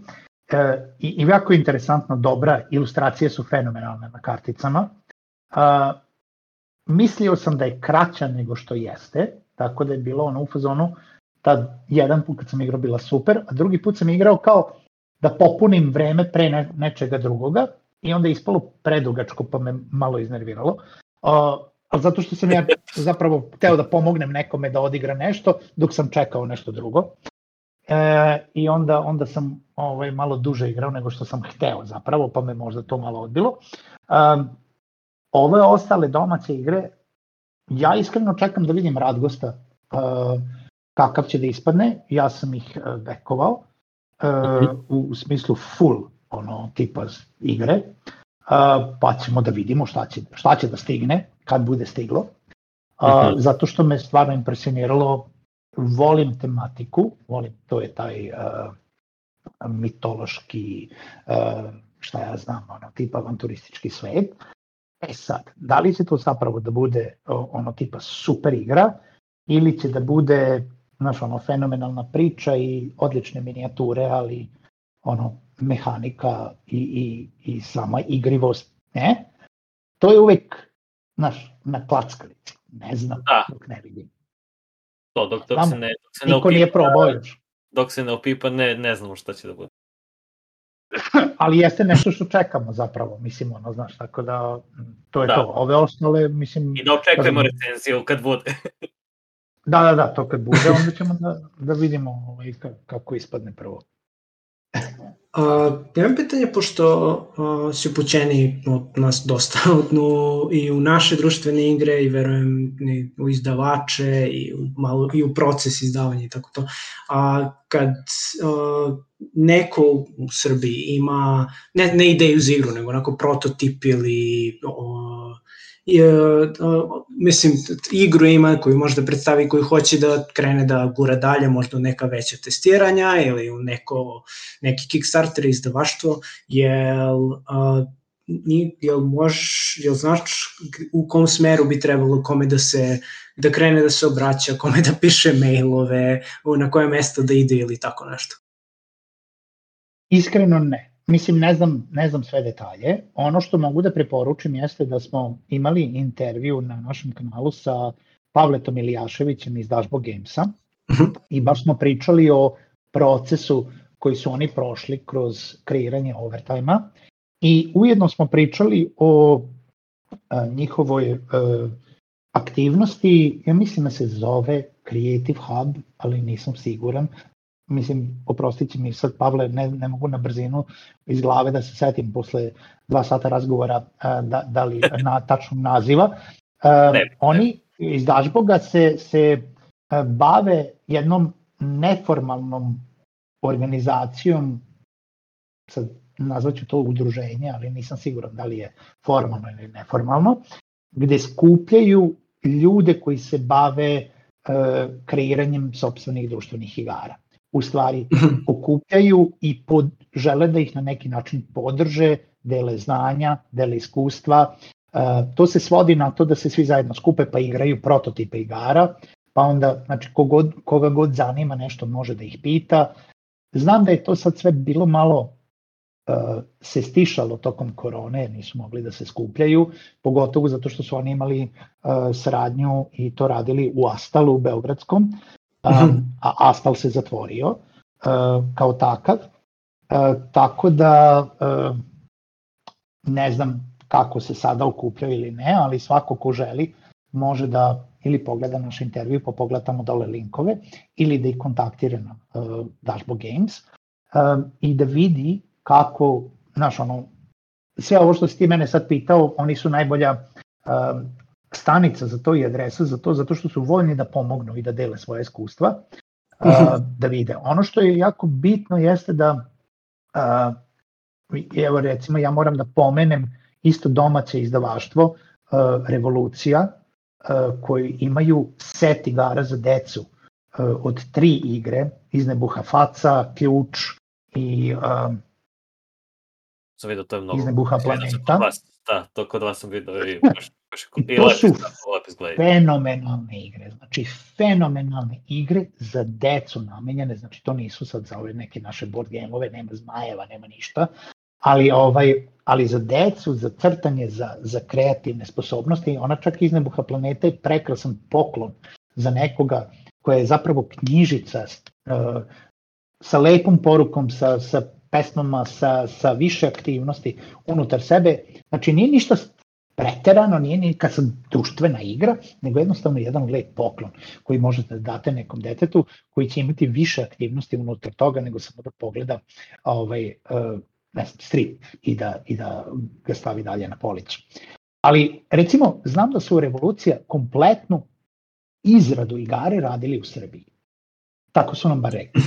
To je rađeno na takvom kvalitetu da je to, mislim, znaš ono, brutalno ako mogu naše štamparije da izvuku, mislim ja znam da to oni mogu da izvuku, ali da li to je isplativo za naše I izdavače? organizacije isto. i organizaciju naspram toga da sam da je Overtime bio ovaj uh, proizveden u Kini kao i većine društvenih igara zbog, zato što se to radi na na nekom velikom tiražu pa pa ovaj je mnogo jeftinije tako. Pa sve kad uračunaš doterivanje toga do Evrope koje košta boga oca uh, ovaj i dalje je isplativije nego da se radi kod nas. Ali može da se radi kod nas. Sad je samo pitanje šta želimo. Znači, na kojem je nivou ta igra koja se sad trenutno izdaje ili koju mi želimo da izdamo, da li će nama trebati tiraž od 2000 komada ili 1000 komada ili 500 komada ili nam treba tiraž od 5, 10, 15 hiljada komada i, i koliko je kompleksno. Da, logistika, O- o- ja na primjer, kao neko ko ima dizajniranu kompletnu igru i testiranu i sve, i ne želim da se upuštam u logistiku a, pr- produkcije društvene igre. Jer je užas. Verujem, ve, apsolutno Da. verujem u to. Mislim, to je isto kao bilo koji drugi. Znaš, svako priča u okviru neke niše i znaš, nebitno sada da pričamo o društvenim igrama ili pričamo o produkciji društvenih igara ili pričamo o bilo kom delu bilo kojeg aspekta preduzetništva. Svako priča iz neke svoje niše koju najbolje poznaje. Ja ne mogu da pričam iz te neke niše trgovine, produkcije, kada se ja bavim digitalnim uslugama. Mislim, ja se prevashodno bavim videoprodukcijom, organizacijom događaja, znaš, ono, hubom, zajednicama, uh, animacijama u, u videoprodukciji i tako dalje. Znači, ja mogu da pričam o digitalnim proizvodima, o projekt managementu, ali, znaš, ono, tome da recimo zajedno vodimo cvećaru ili da radimo na CNC mašinama ili da naručujemo e, naš košulje ili društvene igre iz Kine, ne znam ništa o tome. Eto, nisi se upuštao te vode. Nisam još. Još Što uvek. ne znači, što ne znači da do penzije neću i to probati. Ko zna. Ali si a, a, a, ti ili neko od a, ekipe probao da dizajnira nešto od, od društvenih igra? Ne, ne, ja sam, ja sam ti user. Ja nisam dizajner. ja ovaj... A ekipa, osta, ostali? Ostali, da, imaju, ostali, imaju... o, ostali, mislim da, da Nino ima nešto u razvoju, ovaj, ne znamo još šta, da pričao nam je o tome da ima e, nešto što bi voleo jako da dizajnira kao društvenu igru, ovaj, kao tako, a mislim da ostali, ostali nisu u tom svetu. A, znači, a, potencijalno dočekamo nešto od Nina. sad, sad ajmo na njega veliki Da. pritisak. Ajde, sad. pritisak, pritisak i podrška, znaš kako to ide. Ovo, spomenuo si buduće planove.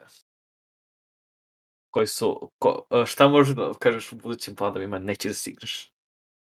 budući planovi nećeš da se igraš su brojni, neočekivani i, i suviše ovaj, kompleksni čak i za nas. budući planovi e, nećeš da se igraš idu od, od megalomanskih do, do ono, epskih.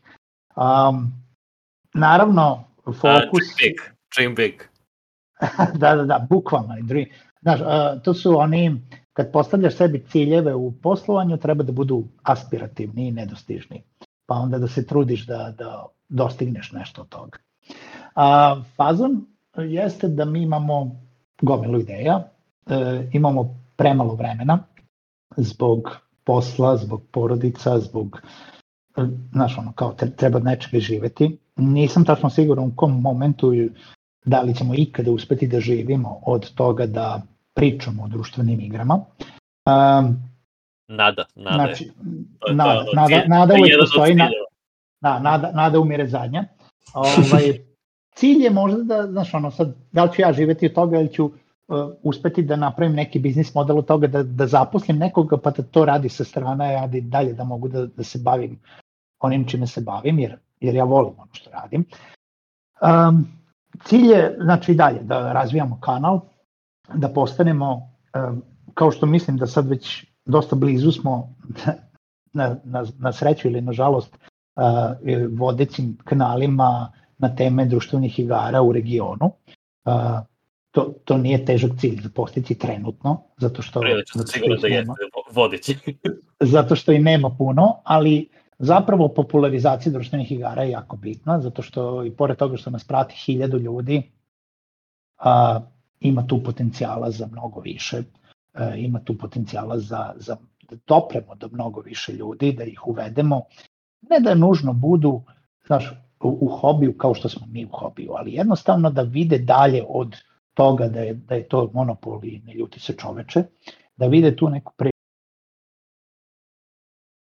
priliku za, za uh, društven, svog društvenog života kroz društveno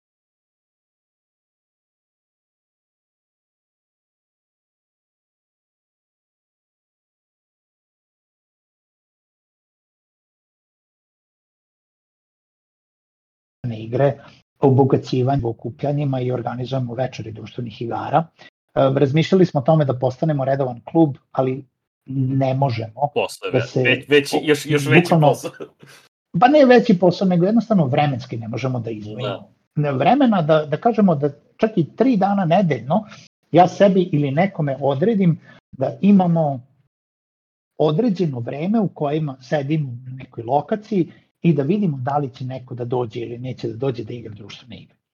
Uh, večeri društvenih igara koje su neobavezni, koje su na, ono, u fazonu, mi se sad dogovorimo da će to biti lupom 25. oktobra i nedelju dana na, ranije najavimo i mi znamo da to veče odnesemo tamo igre, uh, ko dođe, dođe, uh, plati 300 dinara, pita nas, određeni ljudi nas pitaju, a zašto moram da platim 300 dinara?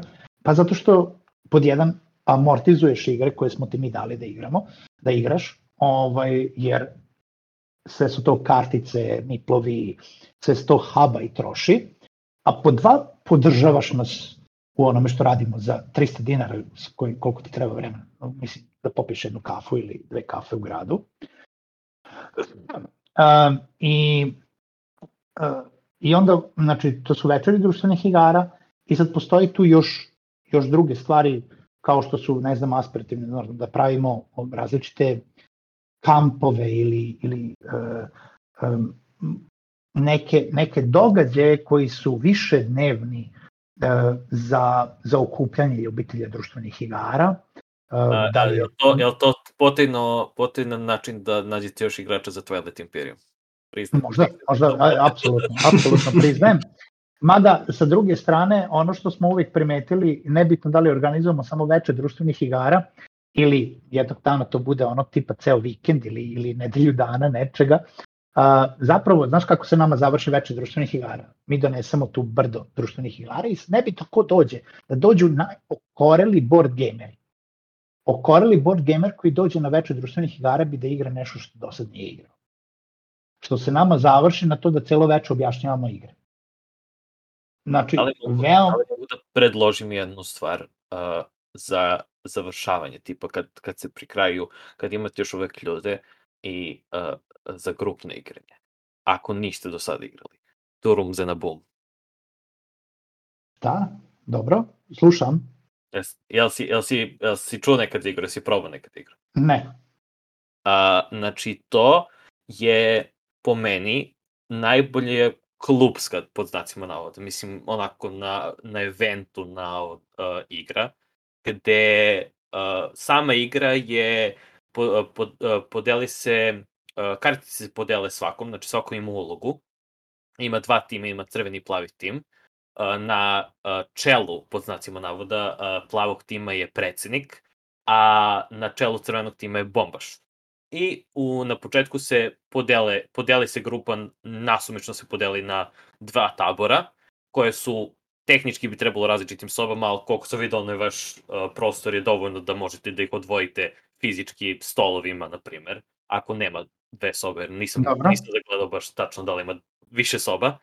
Ovo, I uh, u sklopu sobe može da se razmenjuju informacije, uh, pošto se na kart, kartici, uh, kartice su napravljene tako da se pokazuje, uh, ima boju, to je, to je tim, i može da se pokaže samo boja, ali mo, može da se pokaže cela kartica koja je uh, koja je uloga i tako to. I onda se razmenjuju informacije tako što kao da li verbalno, verbalnim dogovorima koji ne mogu da se prekrše. Na primer, uh, ja dođem do tebe i kažem uh, hoćeš da razmenimo boje i ako ti se složiš, odemo negde u ćošak i pokažemo međusobno jedan drugu boj. I onako, ako smo obe crveni, aha, obe smo crveni, ajde da vidimo, kao, jel hoćeš celu karticu da pokažeš? Pa, nisam siguran, zato što postoje, postoje na primjer, špioni koji imaju crvenu boju, ali su stvari plavi špion, ili tako nešto.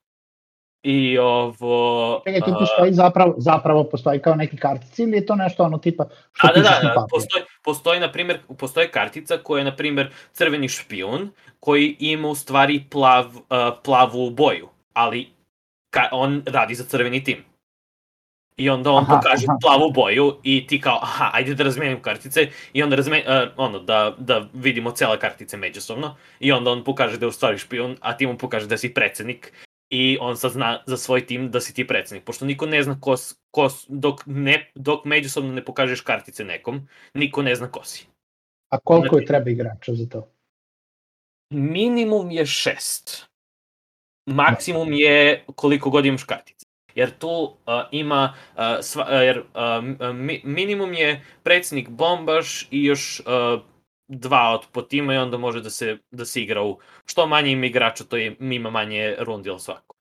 Jedna Mhm, mhm. od najboljih parti igre, jer pozicija se dodaje sve i svašta, pa ima i sivih karta koje su neutralne, na primer, uh, koje imaju uh, svoj poseban win condition, na primer uh, Ahab koji juri uh, Moby Dicka ili tako neke uh, uh, ljubavnica koja lju, uh, juri, uh, žena koja juri ljubavnicu, uh, ne znam, papir kamen makaze, papir treba da preživi, a makaze ne, ili tako nešto. Mislim, ima sve i svašta.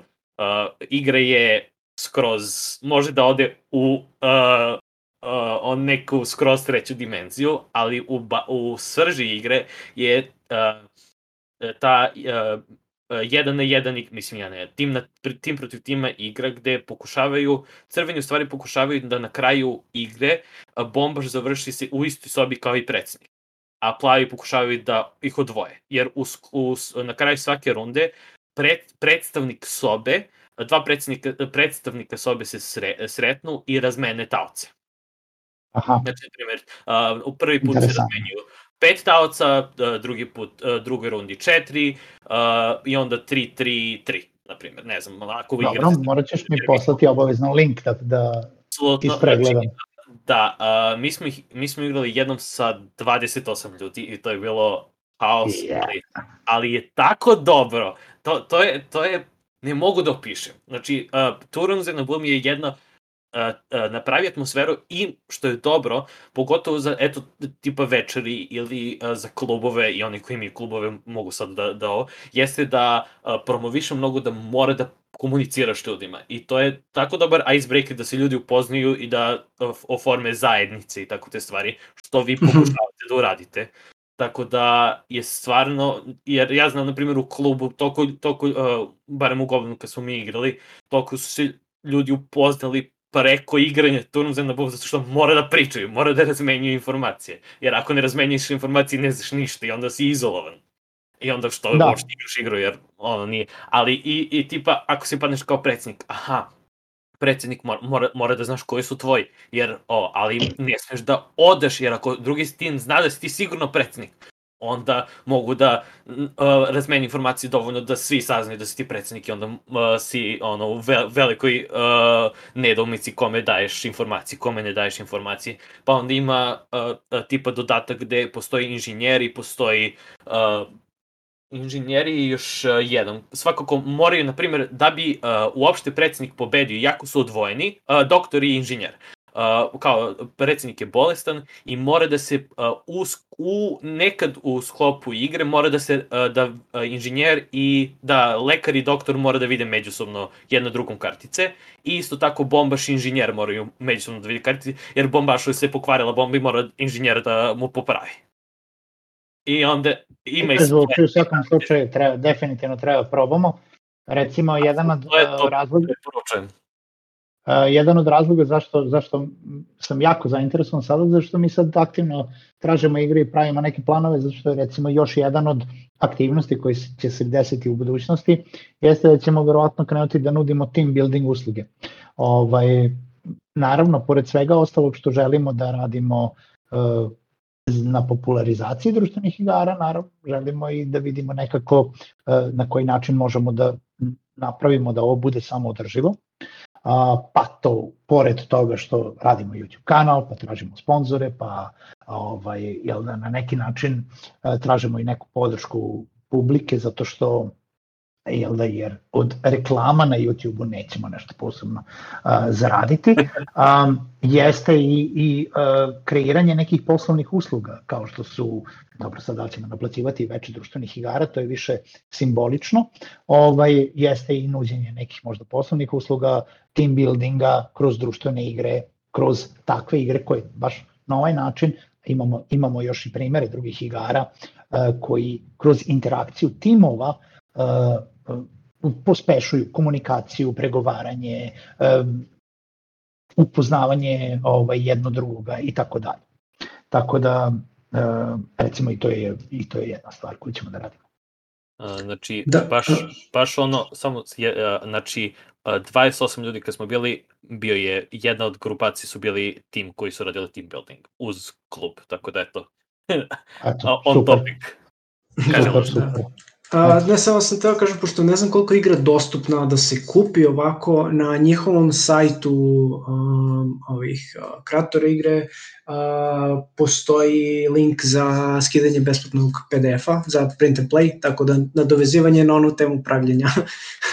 I print and play uh, eto, to je način da se svakako ono, preuzme igra i da se Klubovima preporučujem ovu igru. svim Da, da, svakako. Molim vas napravite, tako je dobra igra i mnogo malo ljudi zna za nju. Mi smo je u Nišu, uh, znači, uh, igrali smo je konstantno dok smo imali ono puno ljudi sad sa covidom i baš malo je, malo je uh, ovo, teže da se igra igra, ali uh, pogotovo i sa tim što mora da se interaguje puno ljudi, ali dok, uh, ovo, dok smo imali ljude uh, ovo, i prostor je bilo fan.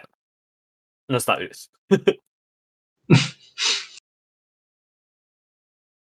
Šta još? Uh, jel, ima, jel ima još, još, još uh, neki uh, od planova? Jel, uh, šta je, možemo od recenzija da ovo, uskoro... Recenzija, mislim, ono tipo, tipo, tipova različitih uh, emisije koje planiramo, tu, tu sad ima gomila ideja.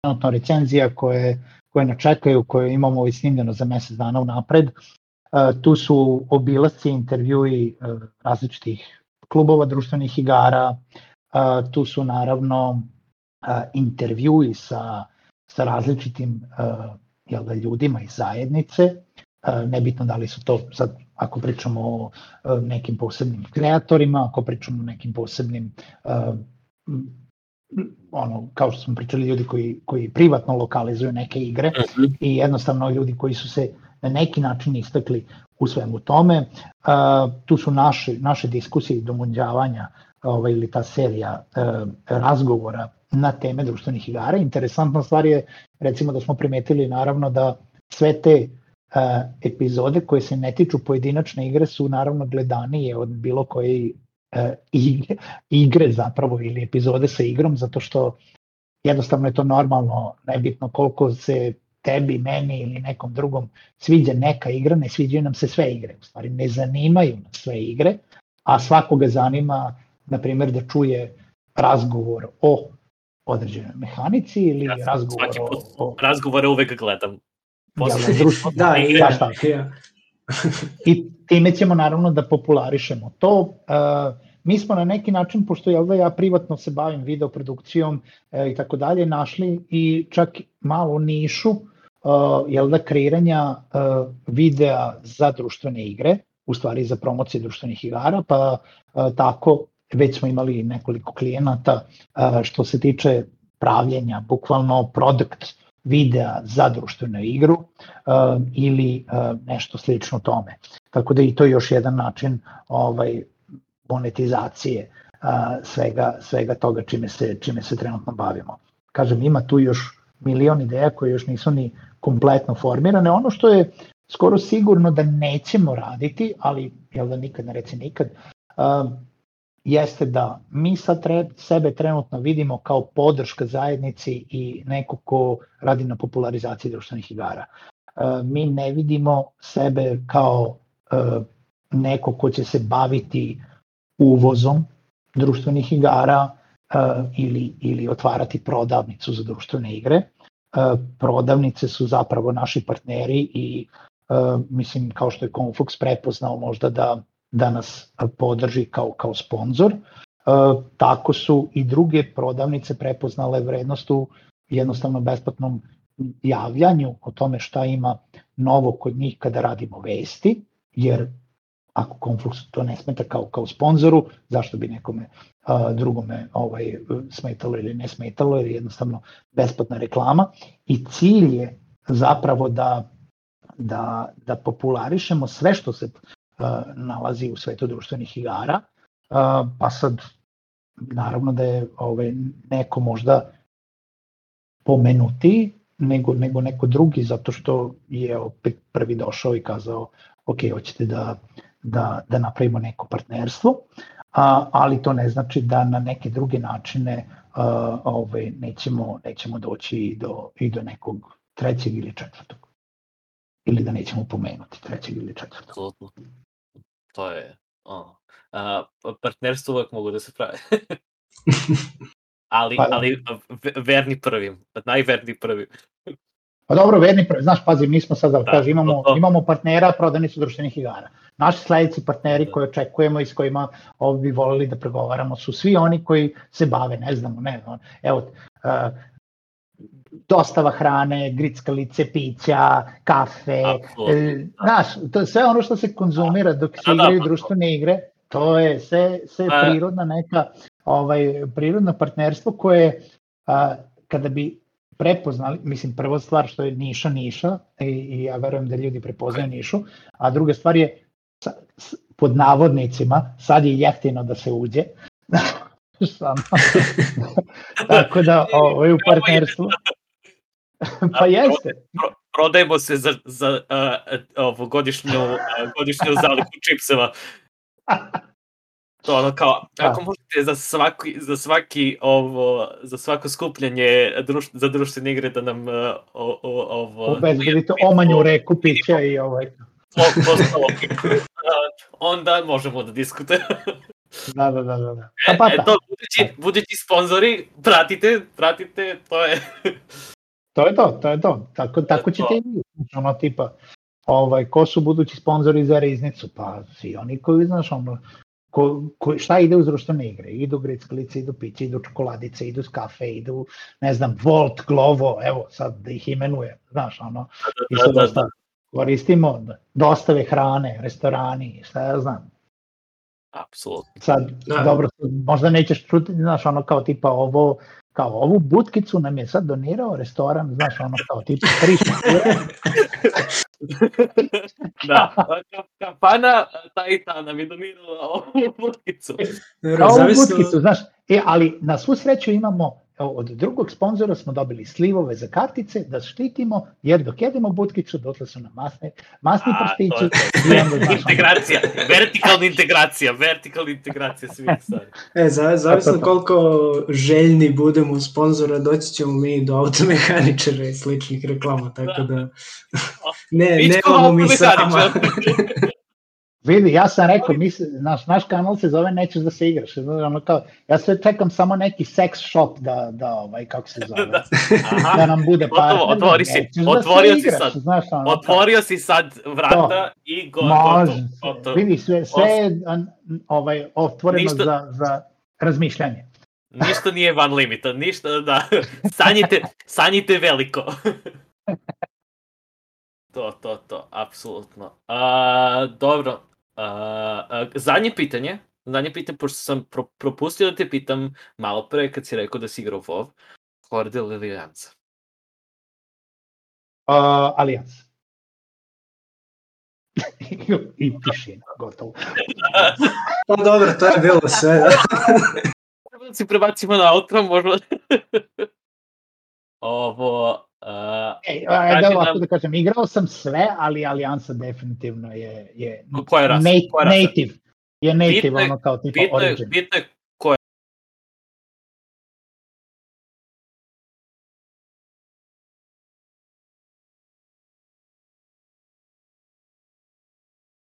rasa. A, pa, kad si pravio ono, imao sam sve živo.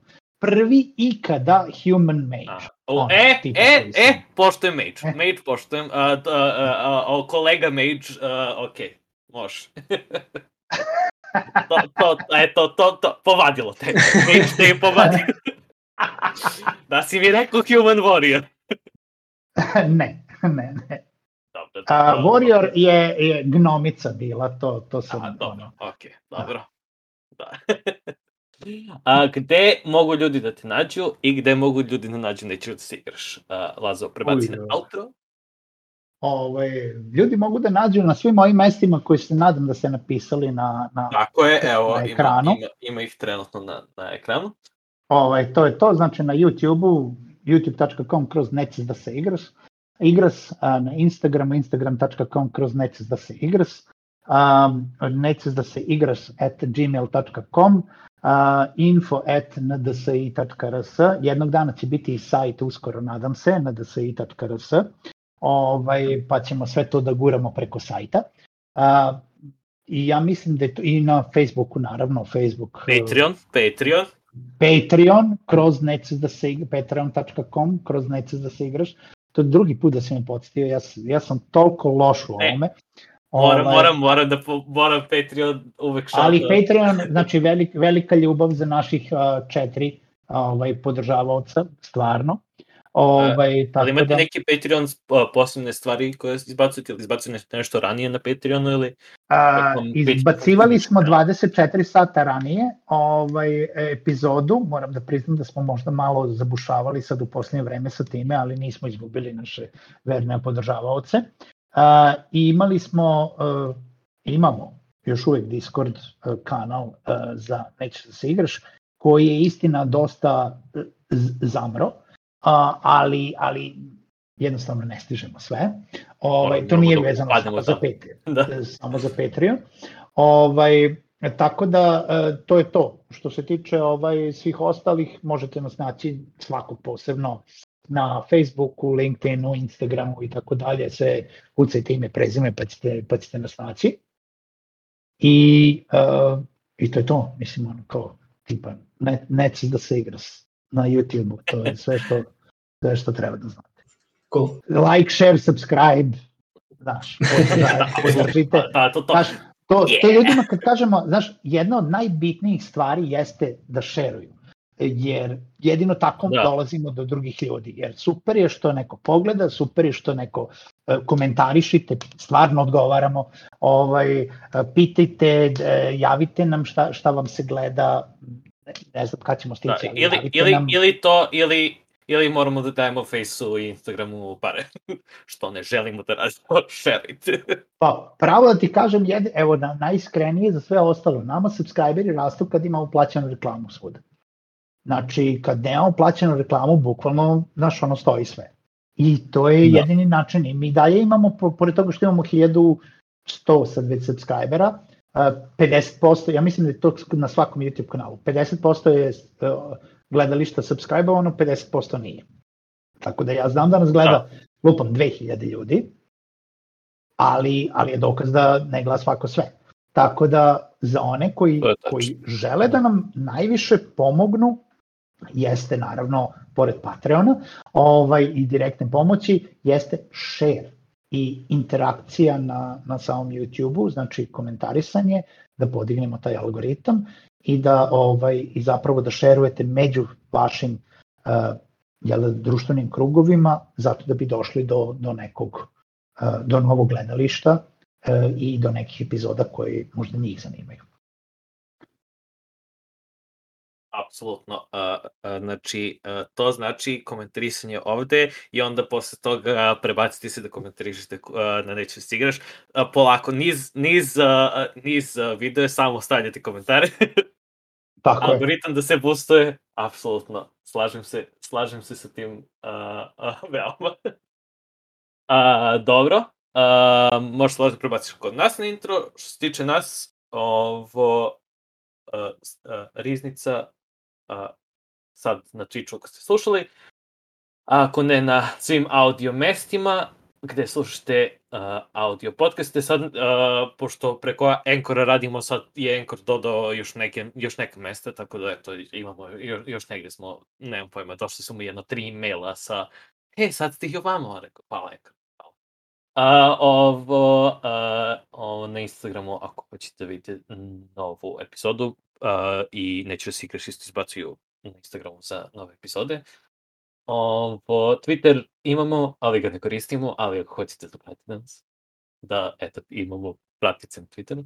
Na Faceu obično izbacujemo kad smo gde i šta. I na YouTubeu uh, video ovo, i možda dodamo uh, uskoro neki segment jer imamo uh, uh, nismo spomenuli, ali Faziz imamo, imamo ovo first hand experience za Faziz koji smo spominjali prošli put. Uh, Da, Ovo- naš dopisnik iz Hamburga dopisnik je, iz Hamburga su dobili, je dobili uradio re- unboxing i uh, solo play, tako da možda Tako. to. Tako da, da, o, očekujte potencijalno izbacivanje e, da fazi iz, uh, ovo, do, do, dopisnik iz uh, ovo, da, koji nam dao fazi iz first hand experience. Uh, ovo, i isto tako, htio sam još nešto da kažem i sad mi je apsolutno tišno. I možda dođete za Suboticu uskoro pa vas snimimo pa, pa pravimo neki game night A. pa, pa imamo nešto. Ja, ja, bi, ja, bi, ja bi rad da došao uh, mnogo ste daleko od nas. Da, Ali da, dva smo apsolutno, sveta a, različita. To bukvalno uh, na, na, na, oh, daleko smo u Srbiji, uh, toliko daleko. Ovo, I onda nas gledaju ostatak sveta kao pa sistemu, uopšte nisu daleko. bukvalno A, jedni daleko, da. Da. Da, e, apsolutno uh, uh, želim da dođem na neki od vaših uh, game nightova. To, je- to je sigurno. O, onda moramo ovo- definitivno nešto specijalno da organizujemo. To, to, to. I uh, da, ovo, ili eventualno u nekom momentu da se sretnemo u, na, na, nekoj sredini u Beogradu ili negde, negde južnije. Ali... Dobro, a, naravno, sve, sve dolazi obzir.